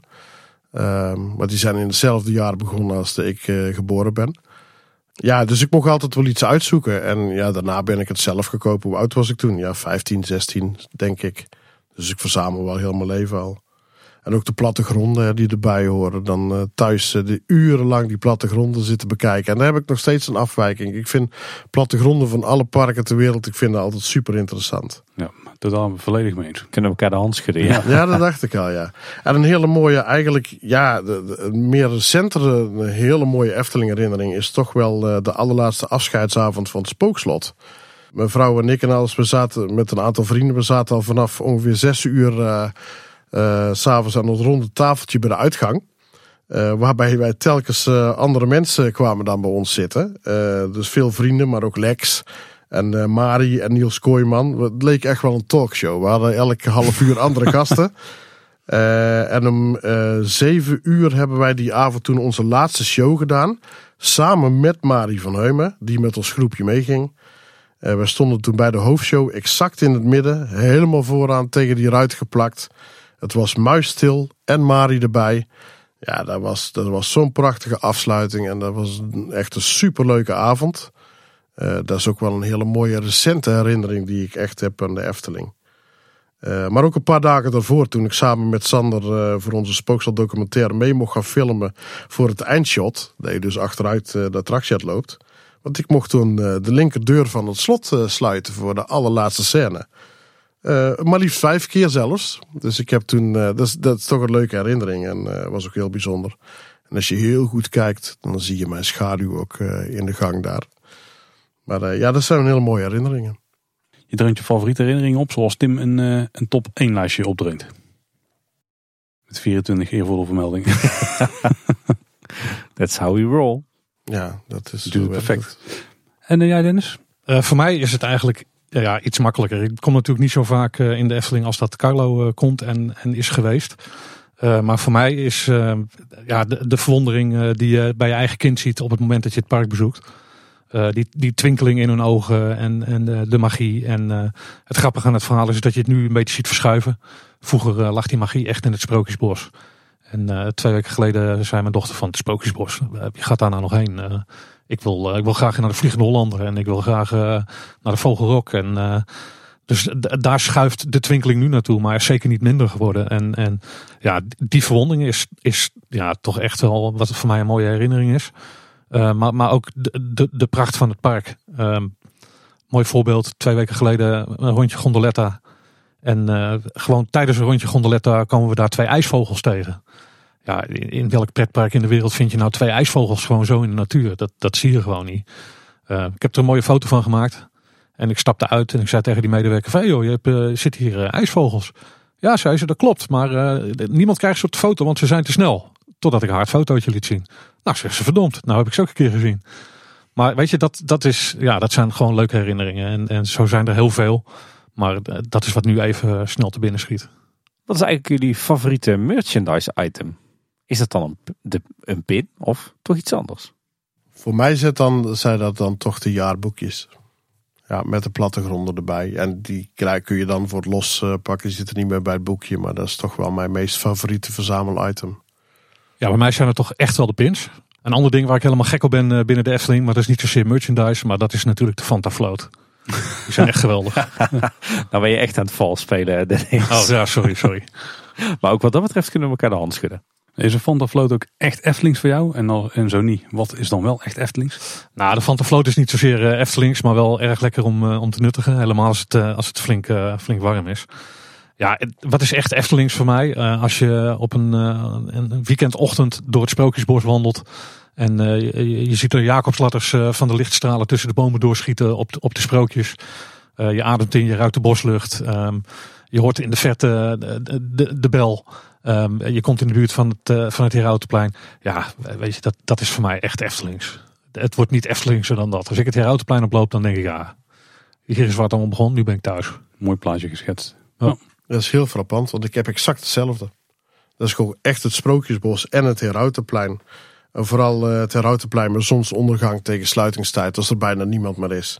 Dat straalt zo die oude sfeer van vroeger uit. En dan heb, daar vind ik echt zoveel rust daar. Ik vind het prachtig. Ik denk dat wij ons daar eh, alleen maar bij kunnen aansluiten. Wat zijn nou wat jullie betreft echt de meest ondergewaardeerde elementen in de Efteling? Waren heel veel mensen, uh, de, de, normale bezoeker noem ik maar even, niet stilbestaan is echt de natuur in het park wat mij betreft. Eh, Dennis had het net al over die ijsvogels, maar gewoon de natuur aan zich. Die is zo ontzettend bepalend voor de uitstraling van het park. Uh, dat vind je gewoon bijna nergens op die manier. Ehm, de gemiddelde gast zou ook eens moeten weten hoeveel liefde en passie er in het park gestoken wordt door ontwerpers en diegenen die het bouwen. Uh, de attracties barsten namelijk van de prachtige details die de gemiddelde mens niet in de gaten heeft. En ook de rijke historie die het park heeft en die dus ook gekoesterd wordt. Uh, zo vind ik ook bijvoorbeeld dat de Efteling Museum is, dat is veel te klein. Dat moet veel veel groter in het park. In het Noord-Brabants Museum hebben ze nog maar eens een keer onderstreept dat, uh, dat de interesse voor Efteling vele malen groter is dan het Efteling Museum aan kan. Ja, als ik uh, daar een beetje op aan mag sluiten, dan is dat inderdaad uh, voor mij ook echt de natuur in het park. Um, het verhaaltje van de ijsvogel is daar slechts een deel van. wat ik wel heel erg mis, is de bloemenpracht rond de gondoletta zoals die vroeger daar stond. ik snap de verandering en waarom ze het terug hebben gebracht naar een natuurlijke omgeving. Maar in mijn herinnering, de ene keer dat ik in de Efteling ben geweest toen ik heel jong was. Um, A, ik kwam groen uit de Python. Dat weet ik ook nog. En uh, B, de, de bloemenpracht van de gondoletta. Dat was echt, uh, dat staat in mijn geheugen gegrift. Dus dat, dat mis ik nog wel eens. Wat vinden jullie nou echt goed aan de Efteling? Wat doet de Efteling nou echt uitzonderlijk goed? Ja, voor mij is de innovatieve manier van het combineren van nieuwe attracties met de klassieke manier van vertellen iets wat de Efteling ja, tot, tot in de details beheerst. Dus weet je, als jij naar een ander pretpark gaat, dan ga je in een attractie. En vaak is dat een attractie die op zich staat. En je hebt de ride en dat is het.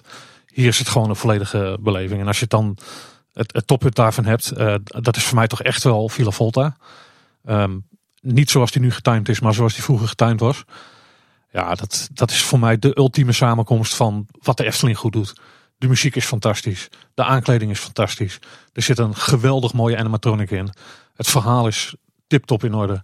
Dat is voor mij echt het summum van wat de Efteling goed doet. En dan hebben we het nog niet eens over wat er allemaal gebeurt in het Sprookjesbos. Want dat is natuurlijk ook uh, de parel die de Efteling uh, gelukkig heel goed onderhoudt. Maar uh, ook, ook dat doen ze echt heel erg goed. Het is frappant hoe wij elke keer op één lijn zitten. Wij denken echt hetzelfde. Want voor mij, voor mij persoonlijk vind ik het fantastisch dat de Efteling ook nu nog blijft voortborduren op die erfenis die Anton Pieck heeft achtergelaten. Natuurlijk zijn die achtbanen en andere grote attracties zijn ook gewoon nodig. Maar een mooi voorbeeld is ook weer de wereld van Simbad. Hoe daar de piekse sfeer wordt gecombineerd met de oude ontwerpen van Tom van der Ven.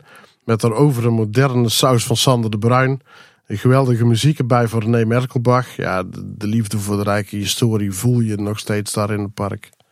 Heeft Efteling ook wel eens een uh, misser wat jullie betreft? Nou ja, ik, ik heb, ja, dat zijn misschien, ga ik te veel in op details, maar wat mij betreft, uh, wat de Efteling fout doet in mijn ogen, is alles wat met water te maken heeft. Uh, er zijn sowieso veel te weinig fonteintjes, waterloopjes, bedriegertjes, watervallen of wat dan ook. Uh, zeker als je dat vergelijkt met bijvoorbeeld Europa Park, waar je overal kunt opfrissen op warme dagen. Uh, maar ook qua waterverspilling. De, de eendenkoppen buiten bij het gemak. De ganzenhoedster. Waarom komt daar nog steeds geen bewegingssensor aan te zitten? De hele dag loopt daar water daar gewoon weg. Uh, sowieso is er een tekort aan waterattracties ook. Uh, dus laat een, een, een soort lokvloem à la Chiapas maar eens heel snel komen. Dus wat mij betreft doen ze alles wat met water te maken heeft, doen ze mij betreft helemaal fout. Duidelijk thema, ja. Ja, wat doet de Efteling niet goed of minder goed in mijn uh, optiek? Uh, dat is toch wel dat ik sinds de coronatijd echt merk dat de kwaliteit van het betoveren wat het personeel uh, naar de gast toe moet doen, ja, dat, daar zie ik toch wel wat teruggang in. Ik had twee weken geleden dat ik, uh, ik kon de parkeerplaats oprijden en uh, ik moest smiddags, uh, of moest, moet dus dwang, maar ik ging smiddags naar de, de première van de Spookslot documentaire. dus ik wilde graag op de, de hoofdparkeerplaats parkeren, dat ik niet dat hele eind hoefde te lopen om weer met mijn auto te komen. Dus ik rijd de parkeerplaats op, ik geef keurig richting aan en er is iemand die mij er heel netjes voor laat en ik bedank die mevrouw of meneer. En die Efteling medewerker die daar staat, springt van mijn auto, begint tegen mij te schreeuwen van, wat doe jij nou, gooi hem er zo voor. Ik zei nou, draai de raampje Ik zeg, gooi me er helemaal niet voor. Ik geef keurig richting aan en die persoon laat mij ervoor. Maar ik moet vanmiddag nog weg. Ik wil graag mijn auto op de hoofdparkeerplaats hebben, want dan kan ik daar weer snel vandaan komen. Ja, nou, je gaat nou maar uh, die kant op. En dan werd ik dus de andere kant op geweest. En ja, uh, dat is niet echt betoveren. Ik heb er uiteindelijk ook een klacht over ingediend. Nou ben ik over het algemeen niet zo'n zo'n zeikert, maar vond dit wel heel erg extreem. Dus Ja, weet je, een park groeit heel erg. Dat is, dat is wat je bij de Efteling natuurlijk ook heel erg ziet. Ehm, maar je merkt eigenlijk ook wel een beetje dat voor je gevoel de lijnen steeds langer worden. Dus dat het, het personeel ehm, steeds verder bij de leidinggevende vandaan komt te staan. Ehm, en, en ja, de, de grip daarop lijkt het park een beetje te verliezen bij sommige medewerkers. En dat is wel wat ik jammer vind en wat misschien nog iets beter kan. Niet alleen de lijnen worden langer, maar ook de teksten. Want dat vind ik dus ook nog een heel kwalijk punt van de Efteling. En dat is dat de, de bebording in het park. Telkens als er weer een klapbord ergens komt te staan, dan staan er ellenlange teksten op. Is dit toilet druk bezet, dan is daar en daar ook het toilet te vinden. Nee, gebruik gewoon een icoontje met de pijlen bij. En voor elke simpele mens is het, is het eh, duidelijk waar dan het toilet te vinden is. Maar overal zijn het allemaal lange teksten en dan ook nog in, in drie talen eronder, heel klein en alles. Het is gewoon te veel. Gebruik gewoon een icoontje. Eh, en daar zou de Efteling ook wel eens een keer eh, naar moeten kijken. Zeker met bordjes voor het rookverbod. Laten we het daar maar helemaal niet over hebben. Eh, want hard roepen dat er een rookverbod is en eh, terwijl er totaal niks meer gedaan wordt, dat vind ik wel echt een heel kwalijk punt. Ik zou net zeggen, ik, eh, ik heb niet het idee dat de Efteling een rookvrij park is hoor. Als Totaal niet. Maar er staat ook geen enkel terras staat aangegeven dat het rookvrij is of verder nog. Sterker nog, als je bij de Vliegende Hollander binnen staat, dan komt af en toe een bandje langs waarop nog steeds te horen is: roken in deze attractie is verboden. Ja, volgens mij overal toch? Maar dat soort dingen. Hey, wat is jullie, jullie droombeeld voor de toekomst van de Efteling? Ik hoop vooral dat de Efteling mee kan blijven groeien met een stevige concurrentie in de landen om ons heen. Bijvoorbeeld. Het ligt toch helemaal in het verre Limburg inderdaad. Ja, dat is ook heel ver. Ja, ja Amerika ligt daar ook. Dus eh, onderschat het als niet. Buitenland, hè? Ja, eh, en hopelijk wordt het park in de toekomst niet al te veel beperkt door al het stikstofgedoe en, eh, Ja. en dat alles eromheen. Want wie weet waar ons allemaal nog te wachten staat. Nee, dat weet niemand op dit moment volgens mij. Ja, als het eh, om, om mijn wensen gaat en, en wat ik de Efteling toewens, eh, dat is dat ze vast blijven houden aan hun unieke manier van het neerzetten van de attracties en het ontwikkelen, verder ontwikkelen van het Sprookjesbos. Ehm, en dan hebben we het ook over het toevoegen van elementen die bijvoorbeeld door Piek wel ontworpen zijn, maar nooit op zijn genomen in, eh, in de sprookjes. Die je nu wel terug ziet komen, bijvoorbeeld bij het paddenstoelenparcours. Ja, dat is, dat is echt wat ik hoop dat ze blijven doen, want dat, dat maakt ze toch echt wel uniek. Eh, de, de Efteling is voor generaties lang al, al, al erfgoed eh, binnen ons land. En eh, laten we dat alsjeblieft behouden en eh, ja, nog verder uitbouwen voor nog vele generaties die hier nog nakomen. En dan door naar de wat eh, snellere vragen, dus sneller te beantwoorden vragen. Wat is nou jullie mooiste plekje binnen de Efteling? Voor mij, zoals ik net al zei, het Herautenplein bij zonsondergang tegen sluitingstijd. Eh, dat is voor mij de allermooiste plek. Ja, ik eh, sluit me daar ook eh, bij aan. Het, het, het Sprookjesbos, en dan met name het Herautenplein. Eh, maar ook eh, het, het Sprookjesbos eh, als er, eh, als er s'avonds het donker is en het eh, allemaal mooi uitgelicht is. Ja, is echt, eh, echt wel het mooiste plekje in de Efteling voor mij. Hebben jullie ook een favoriete attractie in de Efteling? Eh, buiten het Sprookjesbos uh, Fata Morgana. En Dennis, van jou kan ik het wel gokken, denk ik. Ja, het is, eh, het is eh, het- Droomvlucht staat toch op één. Oh, wel op een. Ja, wel op één. Ehm, en, en dat heeft gewoon te maken met ja, een uniek attractietype. eh de manier waarop je de, de gondeltjes eh, door de attractie bewegen is toch echt uniek. Ehm, en, en vlak daarna komt natuurlijk Villa Volta. Die had ik verwacht op één. Nou, oké, mooi. Ja. Hey, eh, zouden jullie jezelf naast Efteling liefhebber ook pretpark-liefhebber of themapark-liefhebber noemen? Absoluut. Niet. Eh, nee, niet? ik niet. Oh. Nee, nee, nee. Dit- Dat is een mooie... Ga, eh, ga je ja. iets zeggen waar ik eh, ongetwijfeld niet heel erg populair mee word. Maar ik ben van mijn leven nog nooit in een Disneypark geweest. En ook van mijn leven nog nooit in een Europapark geweest. Ja, de laatste vind ik wel schandalig. Je mist niks. En eh, dat, dat heeft te maken met het feit dat Europa Park voor ons 8,5 uur rijden is. Oh ja, zo. Eh, dus dat is echt wel een behoorlijke kluif. Ja. Ehm, en Disney, ik heb het gewoon niet zo met de manier waarop Amerikanen omgaan met het betoveren tussen aanhalingstekens van hun gasten. Ik, ik krijg er altijd een beetje een gevoel van, van plaatsvervangende schaamte bij eh, als ik af en toe zie hoe cringeworthy dat allemaal gebeurt. Beetje opdringerig of zo. Ja, het, over de top. ehm, veel te ver eh, doorgevoerd. En eh, nee, nee ik, ik blijf toch echt wel trouw aan, aan mijn lieve oude vertrouwde Eftelingetje. Als je erover openstelt, dan heeft het ook wel zijn charme. Ja, de- de- ik heb het gezien. eh, ja, wat ik dan weet is wat ik zie op filmpjes op YouTube en zo. Ik heb dat natuurlijk nog nooit eh, live mee mogen maken. Maar nee, als ik daar naar kijk, denk ik, eh, ja, ik word er een beetje ongemakkelijk van. Nou, dan zijn de volgende vragen misschien wat lastiger te beantwoorden. Nou, laten we het dan alleen aan, aan Carlo stellen. Carlo, wat is uh, naast de Efteling jouw favoriete park? Of wat is jouw favoriete park? Europa. Is dat eigenlijk de Efteling? Uh, ja, uh, Europa Park. Europa Park. Daar kom ik ook heel graag, ja. ja. En heb jij nog een favoriete attractie die niet in de Efteling staat? ja, die staat dan, ondanks dat ik ook geen liefhebber ben van Disneyland Parijs, The Pirates of the Caribbean. Oh, en die uh, zouden ze voor mij gerust naar de Kaatsheuvel mogen overhuizen.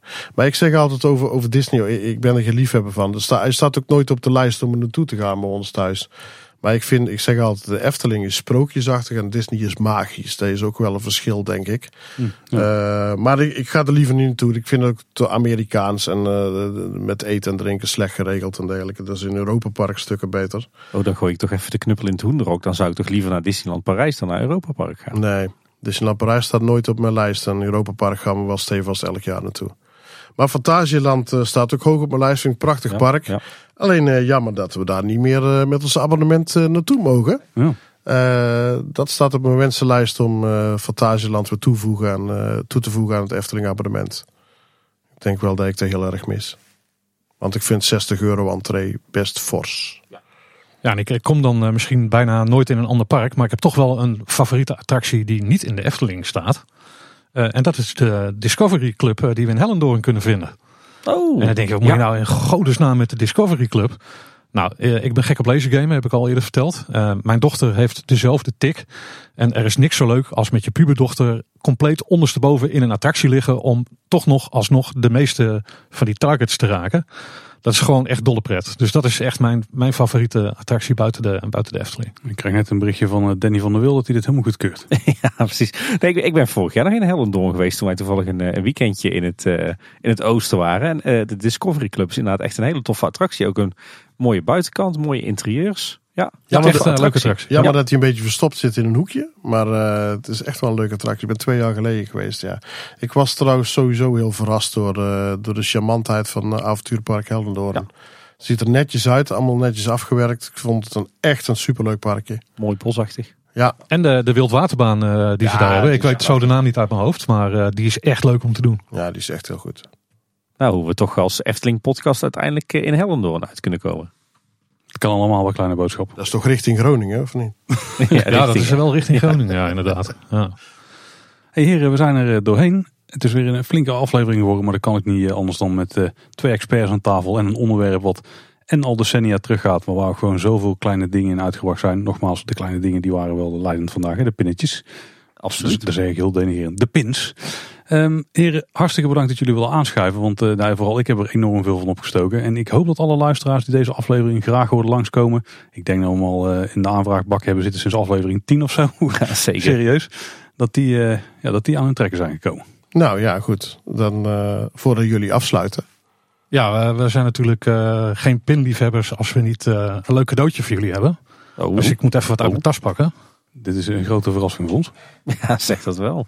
Hey, een doosje met naam. Ja, ik heb uh, de heren beiden een, een, een wit uh, doosje gegeven. Die ze nu aan het uitpakken oh, zijn. Daar zit een zwart doosje weer in. Daar zit weer een zwart-blauwig doosje bij in. Heel chic doosje. En uh, als Tim het plasticje er weg gefriemeld heeft. En jullie doen het bakje open. Hey. Oh. Wauw.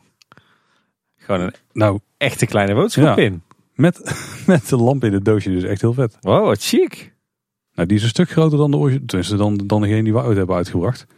Die ziet er goed uit. Ja, de, de, de grap in het verhaal uh, natuurlijk is dat jullie nu een hele mooie kleine boodschappin hebben. En uh, met jullie goed vinden hebben wij er uh, twee in beslag genomen voor ons eigen pinbord. Goed, ja. um, maar er is een klein probleempje met pins. Als je namelijk pins laat maken. Ik voel hem aankomen. dan moet je er minimaal 50 laten maken. Oeh. Dus, en nu gaat de tas weer open. ja. Het is echt een schitterende pin zeg. Wat verdorie. Ja, dit is eigenlijk een hele mooie metallic pin. Ik denk dat dit, uh, is dit chroom of... Uh, het is een bronzen reliefpin. Ja. Ja, in de kleur oud goud. Ook al zou je denken, hey, heel chic. maar het is de kleur oud goud. Ja. Um, met, uh, en, en wat het is, is, uh, is uh, jullie logo, zoals die op jullie website te vinden is. In het vaandeltje, ja. Ja, de kleine friemeltjes die eronder zitten, die mooie krulletjes, uh, die waren te klein om te produceren. Dus dat is helaas niet gelukt. Dus we hebben het op deze manier gedaan. En de grap is dat Paul vroeg van, hebben wij ooit een bestandje daarvoor gegeven? Eh, nee, dat heb je niet. Maar ik ben een graficus van opleiding. en ik heb jullie logo dus eh, gewoon opnieuw gemaakt en getraceerd. Met dezelfde lettertype eh, erop. Gaaf, ja, ja, want onder het microfoontje staat ook nog een kleine boodschap. Hè? Dus er is Ja. geen twijfel over mogelijk. Dit is de nieuwe kleine boodschap pin. Ja, en Ja. ik heb dus eh, hier een, eh, een zakje. En daar zitten nog een stuk of eh 45 van die pins in. Wauw. Ehm, het is jullie logo. Ik ga er niks mee doen. Carlo gaat er niks mee doen. Eh, dat betekent dat wij er niks commercieels mee willen doen. Doe ermee wat je wil. Geef ze weg aan gasten. Geef ze weg aan familie. Geef ze weg aan vrienden. Mocht je ze wel willen verkopen.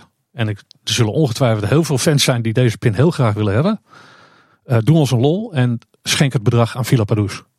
Dat, Dat eh, lijkt me een hele mooie. dat doen wij sowieso. Zo zitten we sowieso in de wedstrijd. Ja. Dat wist ik wel. Dus eh, het was altijd weer spannend. Omdat ik had Tim op een gegeven moment ook een mailtje gestuurd van waarom hebben jullie eigenlijk, hè, is het een idee om voor de uitzending een pin uit te geven? En toen zei hij van ja, daar hebben we eigenlijk helemaal niet over nagedacht. Nou, ondertussen hadden wij daar natuurlijk wel over nagedacht. en was dat ontwerp al lang eh, naar Taiwan gestuurd om daar een mooie pin van te maken. zijn er, ik ben daar gewoon ingeluisterd, jongens. Ja, je bent er eh, met open ogen ingegaan, zeg maar. Echt een prachtige pin. De vlindersluitingjes heb ik hier in het tasje zitten. Dus eh, die zitten niet in het doosje, die krijg je zo van. En eh, ja, ik hoop dat het een, een mooie aanwinst is voor, eh, voor je pinverzameling. Wat Ja, absoluut. Wat ik dus vet vind aan dit type pin is, je hebt dan, eh het is ook met de relief erin hè. En dan Ja. de achtergrond, de achtergrond die is, er zit een structuurtje in, dus die is mat zeg maar. Maar je krijgt dan een mooie kleurverschil in die groeven. Die worden wat Ja, donkerder en zo. klopt. Dat vind ik Ja. altijd heel vet bij dit soort pins. Ja, heel gaaf. Ja, heel vet. Dank jullie wel Dankjewel, ja. allebei, heren. Alsjeblieft. En we gaan, graag even, we gaan er even goed over nadenken wat we met die andere 45 pins, eh, pins gaan doen natuurlijk. Dus eh, om terug te komen op een van de vorige vragen. Wat is eh, de meest zeldzame pin? Deze komt in de top 5 De voor kleine mij terecht. ja, ja, ja, meteen. Heren, voordat we verder gaan afsluiten, misschien nog even ter herhaling. Wat zijn de plekken waar mensen jullie online kunnen vinden?